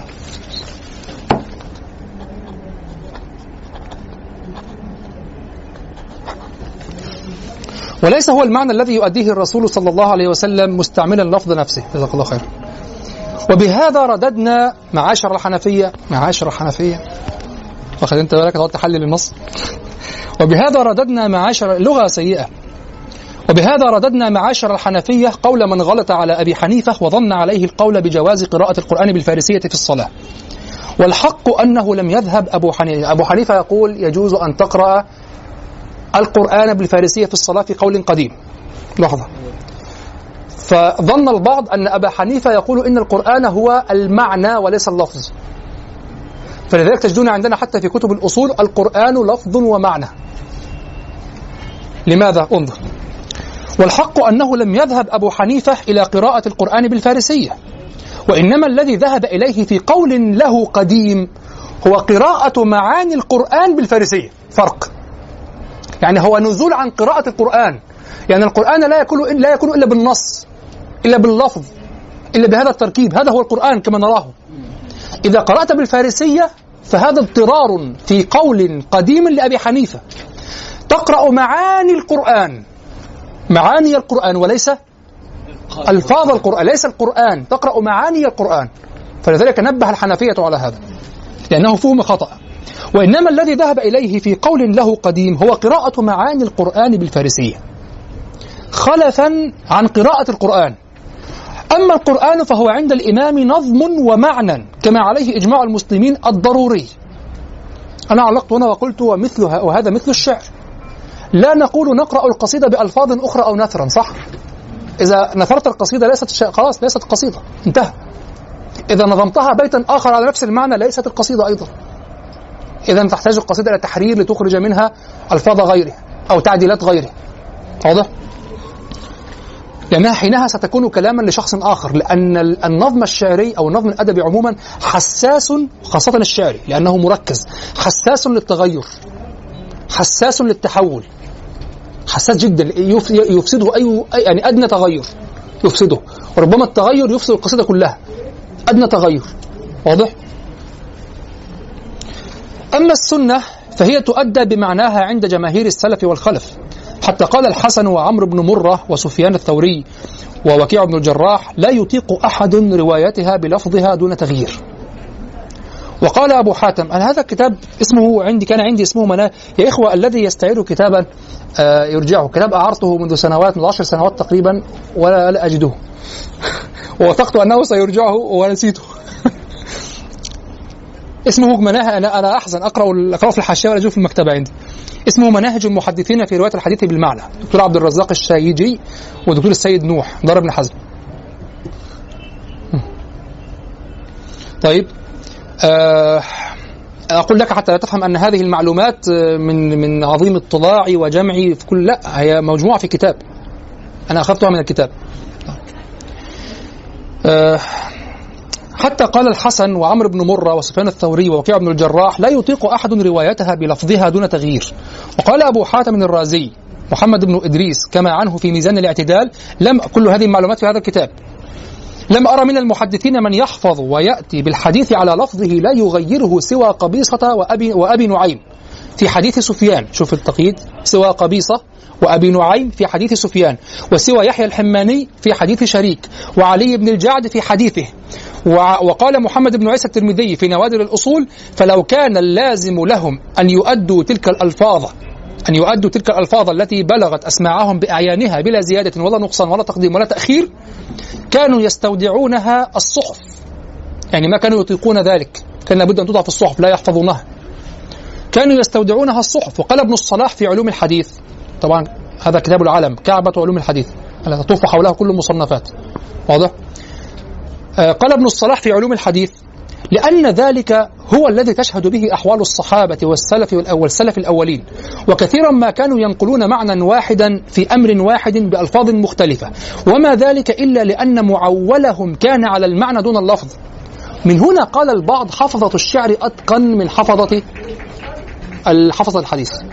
ونبه على هذا البعض وأورده أبو علي القالي في الأمالي قال حفظة الشعر أتقن من حفظة الحديث لأنهم يراعون الوزن و- والقافية ولذلك الشعر منقول إليك متينا. الحديث لما وقع فيه تداول واختلاف ألفاظ وكذا وكان كثير من الرواة عاجم فقط راعوا فقط لانهم علماء ألا يغيروا المعنى لكن لا نثقوا في قضية اللغة. فقالوا لا يحتج بلفظ الحديث على اللغة. إلا إذا وثقنا بأن هذا الحديث لم يتغير عن فم النبي صلى الله عليه وسلم وفم الصحابة. لأنهم حجة أيضا. واضح؟ إذا سلم لك ذلك. ولذلك فجمهور العلماء على أنه لا يستدل بالحديث في لا تجد شيئا من كتب في كتب ابن حزم أو كذا على كتب آه، ابن هشام. يأتي بالشعر والقرآن. دائما الشعر والقرآن. لا تجد شيئا من الحديث. لأجل هذا. نعم. طيب. ثم قلت ويأتي كصلصلة الجرس وتصورا بالإنس. هذا ذكر للكيفية أو للكيفيات التي كان يأتي بها الوحي للنبي صلى الله عليه وسلم. فكان صلى الله عليه وسلم يسمع صلاصل طبعا هنا يفيدك جدا أن ترجع إلى آه، كتاب إتقان البرهان في علوم القرآن لفضل حسن عباس وإلى كتاب منهل العرفان في علوم القرآن للزرقاني. خاصة هذا الكتاب. لأن هذه المسائل ترد عليها الشبهات. يقول لك انظر هذه يفسرونها نفسيا. أحوال نفسانية أحوال كذا أحوال جن أحوال أي حاجة يعني إلا أن تكون وحيا. يعني كل هذا شخص مريض نفسي بكذا يأتيه تخيلات وهذا مرض اسمه في علم النفس كذا نوع من الصرع نوع من كذا. هذه الهيئات. هذا ذكر الكيفيات التي كان يأتي بها الوحي للنبي صلى الله عليه وسلم فكان صلى الله عليه وسلم يسمع صلاصل أي صوتا متتابعا يسمعه ولا يتبينه أول أمره. فقط هكذا. فيظن أن نفسه تقبض من شدة ما يجد ثم يسكت عنه وهو أشد الصور أشدها على قلبه يعني. طبعا هذا ثبتت به الأحاديث. ثم يسكت عنه وهو أشد الصور. وقيل يكون كذلك إن نزل وعيد أو تهديد. أول ما تسمع قيلة وترى علاقات معينة هكذا تشك وتحتاط القيل والقال كثير والحكي كثير فهمت؟ أذكر آه حينما أنا عرفت طريقة الرو- الرواة للأدب وكذا حينما يأتون يأتون إلى بيت وكذا فيضعون عليه القصص فقرأت منذ سنوات قول المجنون آه لما قال ماذا؟ قضاها لغيري وابتلاني بحبها فهلا بشيء غير ليلى ابتلانية؟ قلت فهلا بشيء غير ليلى ابتلانية؟ دي اعتراض. هذا الاعتراض على قضاء الله مش هيتعدى فأقرأ في سيرته قيل حبس الله فيه البول. قيل أصيب بالبرص أو كذا. لا لازم ما يتسابش. الشطر ده فهلا بشيء غير لا على فكرة ممكن يقول كده ما حصلوش حاجة. يعني ممكن الله يقدر شيء تاني يغفر له أو كذا. طب أنا عندي كلام تاني من الإحياء لعلوم الدين. ال- صاحب الإحياء يحكي عن أحد الصالحين يعني أنه رأى في المنام المجنون في يوم القيامة وقال له ما فعل الله بك؟ قال غفر لي وجعلني من جعلني حجة على المحبين. يعني كل من يدعي حب امرأة هو يحكم صادق أو لا؟ فاحترس يا مولانا وخليك صادق من الأول من قاضيك المجنون. ونحسب أن الله تعالى يغفر له بما كان منه يعني وفي النهاية كان عفيفا يعني رحمه الله. ونحسب أن الله يعني يعني الله أرحم من أن يعذب مثل هذا الشخص. أبتلي كثيرا جدا و- وأوذي كثيرا جدا. يعني هذا ظننا بالله. الله تعالى يقول آه، أنا عند في الحديث القدسي أنا عند أنا عند ظن عبدي بي فليظن عبدي بي ما شاء. نظن بالله تعالى أن يغفر لهذا الرجل. والله ما أسمعت مؤنسته لأحد زارني في البيت إلا ولو كان أغلب الناس إلا قال لم يرفع عنه التكليف طيب؟ يعني هو يصعب عليه أن مثل هذا يحاسب هذا الحساب وأنه يعني قصر في حق الله أو كذا أو أنه فعل حراما أو كذا. يعني كأنه يشعر أن هذا يمكن أن يغفر له فيبحث له عن طريقة. أكيد رفع لم يرفع عنه التكليف. لم يكن مجنونا على الحقيقة لكن نسأل الله تعالى أن يرحمه يعني. ونظن بالله تعالى أن الله سبحانه وتعالى أرحم منا به مما لقاه. وإن كنت أنا مغتاظا منه جدا أن يصل بنفسي إلى هذه المرحلة. وهي بعيد في الطراوة ولا لا، كانت بتحبه بس يا سلام. وهو عمال بقى التاريخ يحطه وينزل فيه. يحتاجنا إلى عمر يا مولانا. إلى عمر. يا شاذ لا والله يعني عمر هو الذي يعني يملأ أعينهن وليس مثل هذا. مثل هذا يشفقن عليه قليلا. ثم يلتفتن إلى الآخر. لأن الآخر يخاطب وحدتها كلها يخاطب كل الأنثى بكل ميولها بكل كذا. أما الآخ أما المجنون أو العذري يخاطب خيالا لا تلبث المرأة أن تسأم منه. فهمت؟ يعني هو شديد الطهورية إلى حد بعيد لا يناسب الطبيعة البشرية لأي مخلوق رجل أو امرأة. فتسأم منه بسرعة. فهمت؟ هذه حقيقة. آه. طيب. فكذلك هنا أول ما تسمع وقيل يكون كذلك إن نزل وعيد أو تهديد يعني لعله يصح. وربما أتاه في صورة الرجل. فيكلمه ككلام الناس وهو أهون الصور. طبعا هذه كلها طرق طريقها الخبر عرفناه من الخبر. ليس للتوقع ولا من قيل ولا لعله ولا من المعاني كلها أخبار. يعني يأتي أحيانا في صورة الرجل هو أخف الصور إليه ويأتي أحيانا في صورة الجلس وورد أنه كان يأتي وورد بمعنى الصحة وليس ورد التمريض في علم الحديث أنه كان مثلا ما من الصحابة جاءه وفخذ النبي صلى الله عليه وسلم على فخذه فشعر أن قدمه ستكسر. ما من الصحابة. كان كان يجلس مع النبي صلى الله عليه وسلم كان رديفه على ركوبة أو شيء من هذا القبيل أو كان في الأرض لا أذكر المهم أنه جاءه الوحي فثقل عليه فخذ فخذ النبي صلى الله عليه وسلم حتى شعر أن فخذه سترد ستكسر يعني فخذ الفخذ السفلى التي عليها فخذ النبي صلى الله عليه وسلم من ثقل من بشعور بثقل مادي عليه واضح؟ طبعا لن ندرك مسألة الأحرف السبعة اليوم صح؟ أصلا ما كنا ندركها يعني جيد أننا استطردنا في مسائل أخرى لم تكن لتنتهي معنا. واضح أنها تحتاج إلى مجلس مستقل. هذه أعقد المسائل في علوم القرآن على الإطلاق. طيب قبل أن نقوم هناك سؤال. هناك سؤال؟ طب في الإعجاز تعرضنا له. إذا نحن تعرضنا إلى ماذا؟ إلى معنى النزول. قلنا فيه صور وفيه خلاف كثير والجمهور على أنه نزل جملة إلى السماء الدنيا بمعنى حل فيها. بمعنى أظهر الله تعالى القراءة فيها أو بعد ذلك أظهرت القراءة في الناس وليس أنه نزل من الله تحركا. وهناك قول رجحه أبو شام المقدسي والبيهقي وأنه وهذا قول جيد جدا بأنه أظهره الله تعالى أو أوحاه إلى جبريل وبثه في جبريل ثم جبريل هو الذي نزل به لأن كثيرا من النزول نزولات أو لفظ النزول مؤكد أو أنه يصلح أن يكون نزولا حركيا حقيقيا. فهذا يصلح أن يكون نزول جبريل من السماء الدنيا منجما بعد أن نزل جملة في السماء الدنيا. واضح؟ طيب. وتكلمنا في الحكمة من تثبيت الفؤاد به وقلنا هذه الحكمة موجودة إلى الآن تأخذ من القرآن لكن ينبغي أن تراعي الوحدة في السورة. لأنها الآن لم لم يصل كالأول خلاص انتهت. الله تعالى أمر بوضعها في موضع في السورة. فينبغي حتى إذا أخذت هذا هذا القدر من الآيات ينبغي إذا قلت خمس آيات خمس آيات مثلا ينبغي أن تراعي موضعها في السورة فينبغي أن يكون عندك من الأول علم بالسورة حتى لا تفسر الآية على غير وجهها. هذا هو. يعني أظن أن عمر بن الخطاب لما نحر جزورا لأنه آه، تم أتم سورة البقرة كان من الأول يفهم سورة البقرة كاملة. ولكنه أخذها شيئا فشيئا يعمل بها ويتدبرها في ظل السورة. لأن الله أمر بأن توضع وهو يعلم أن الله أمر أن توضع. هذه الآيات في هذه السورة. واضح؟ طيب.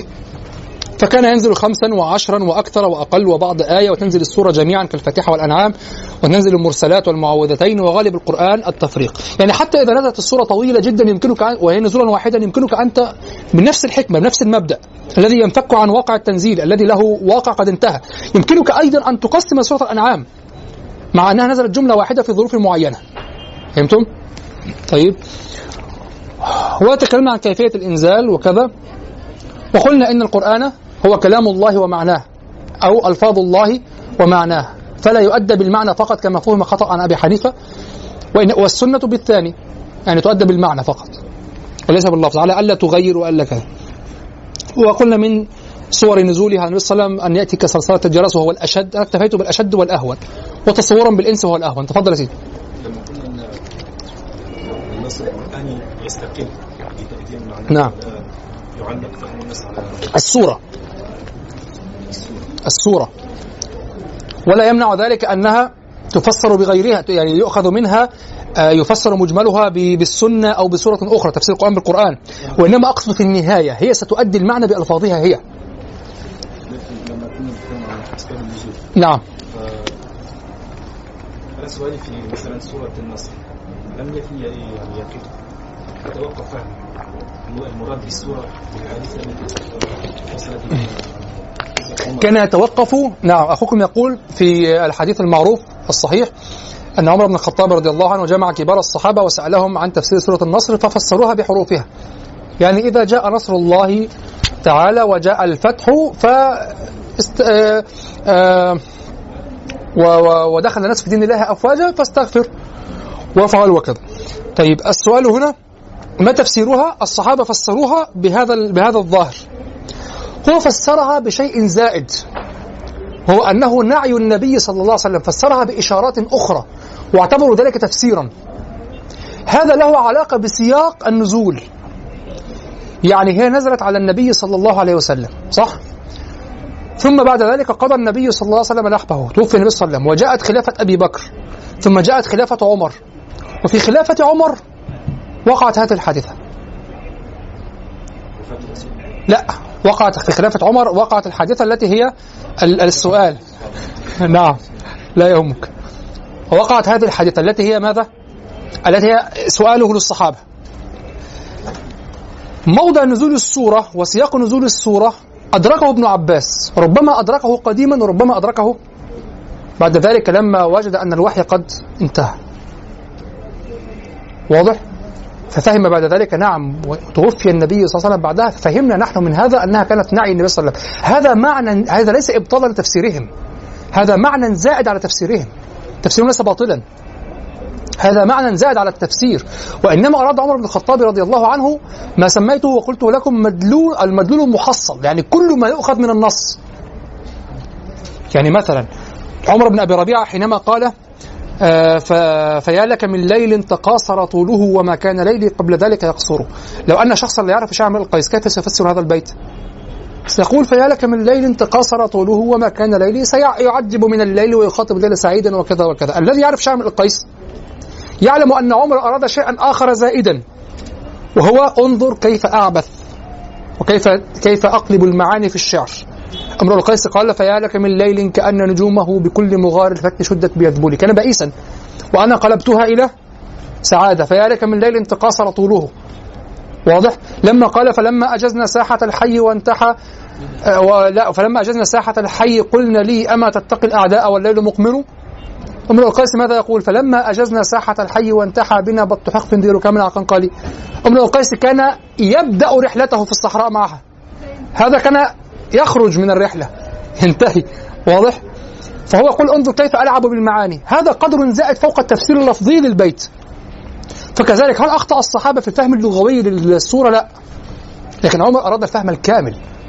هل نزلت فقط لأجل هذا؟ لا. ونزلت أيضا لأجل أن تنبه النبي صلى الله عليه وسلم إلى هذا. طب بدليل. هل هذا التنبيه وارد في حقنا؟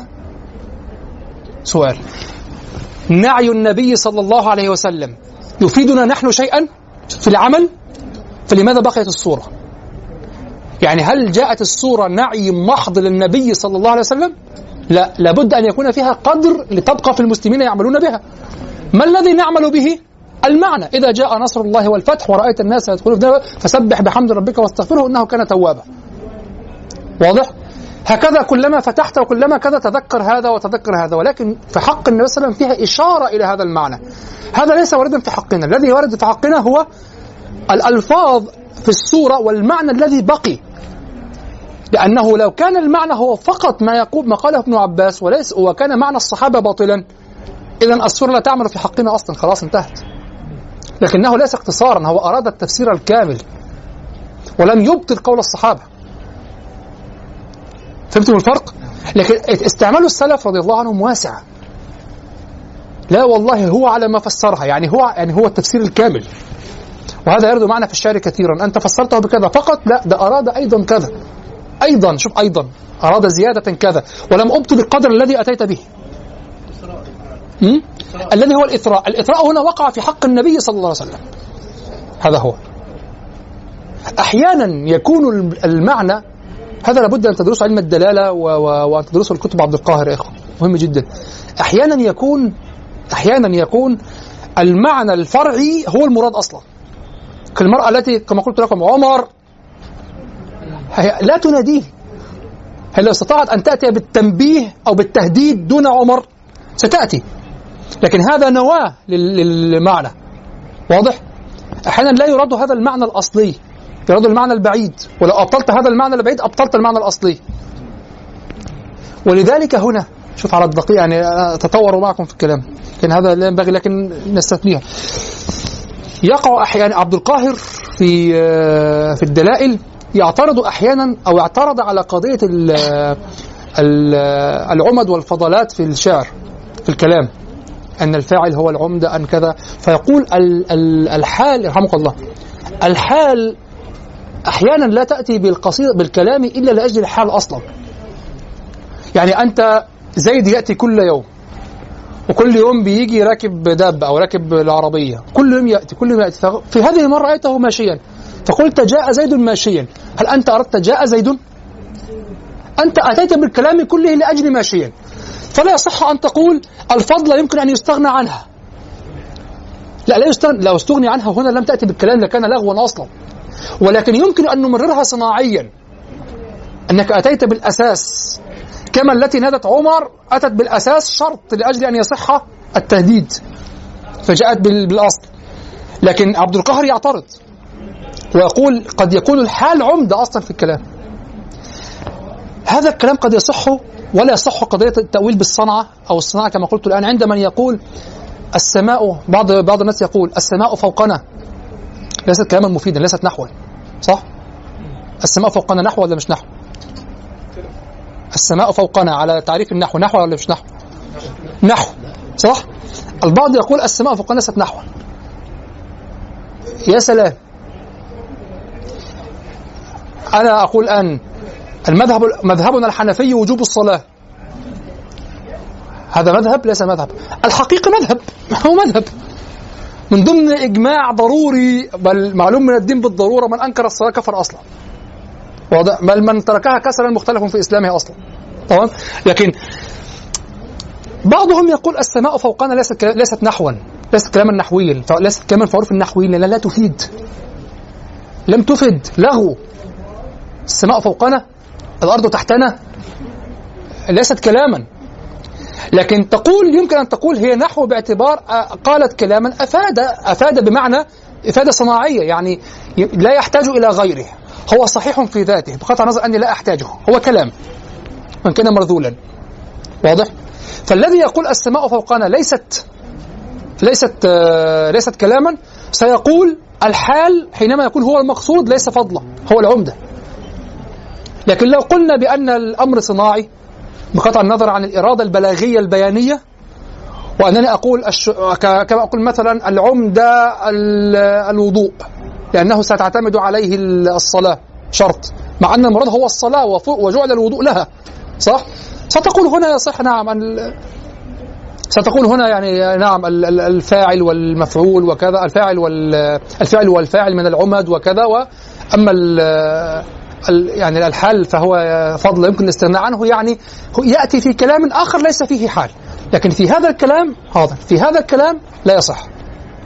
فهمتم؟ طيب جزاكم الله خيرا. نبدأ إن شاء الله تعالى في المحاضرة القادمة في ال- الأحرف السبعة. ربما نتجاوزها وربما نستغرق فيها المحاضرة إن شاء الله.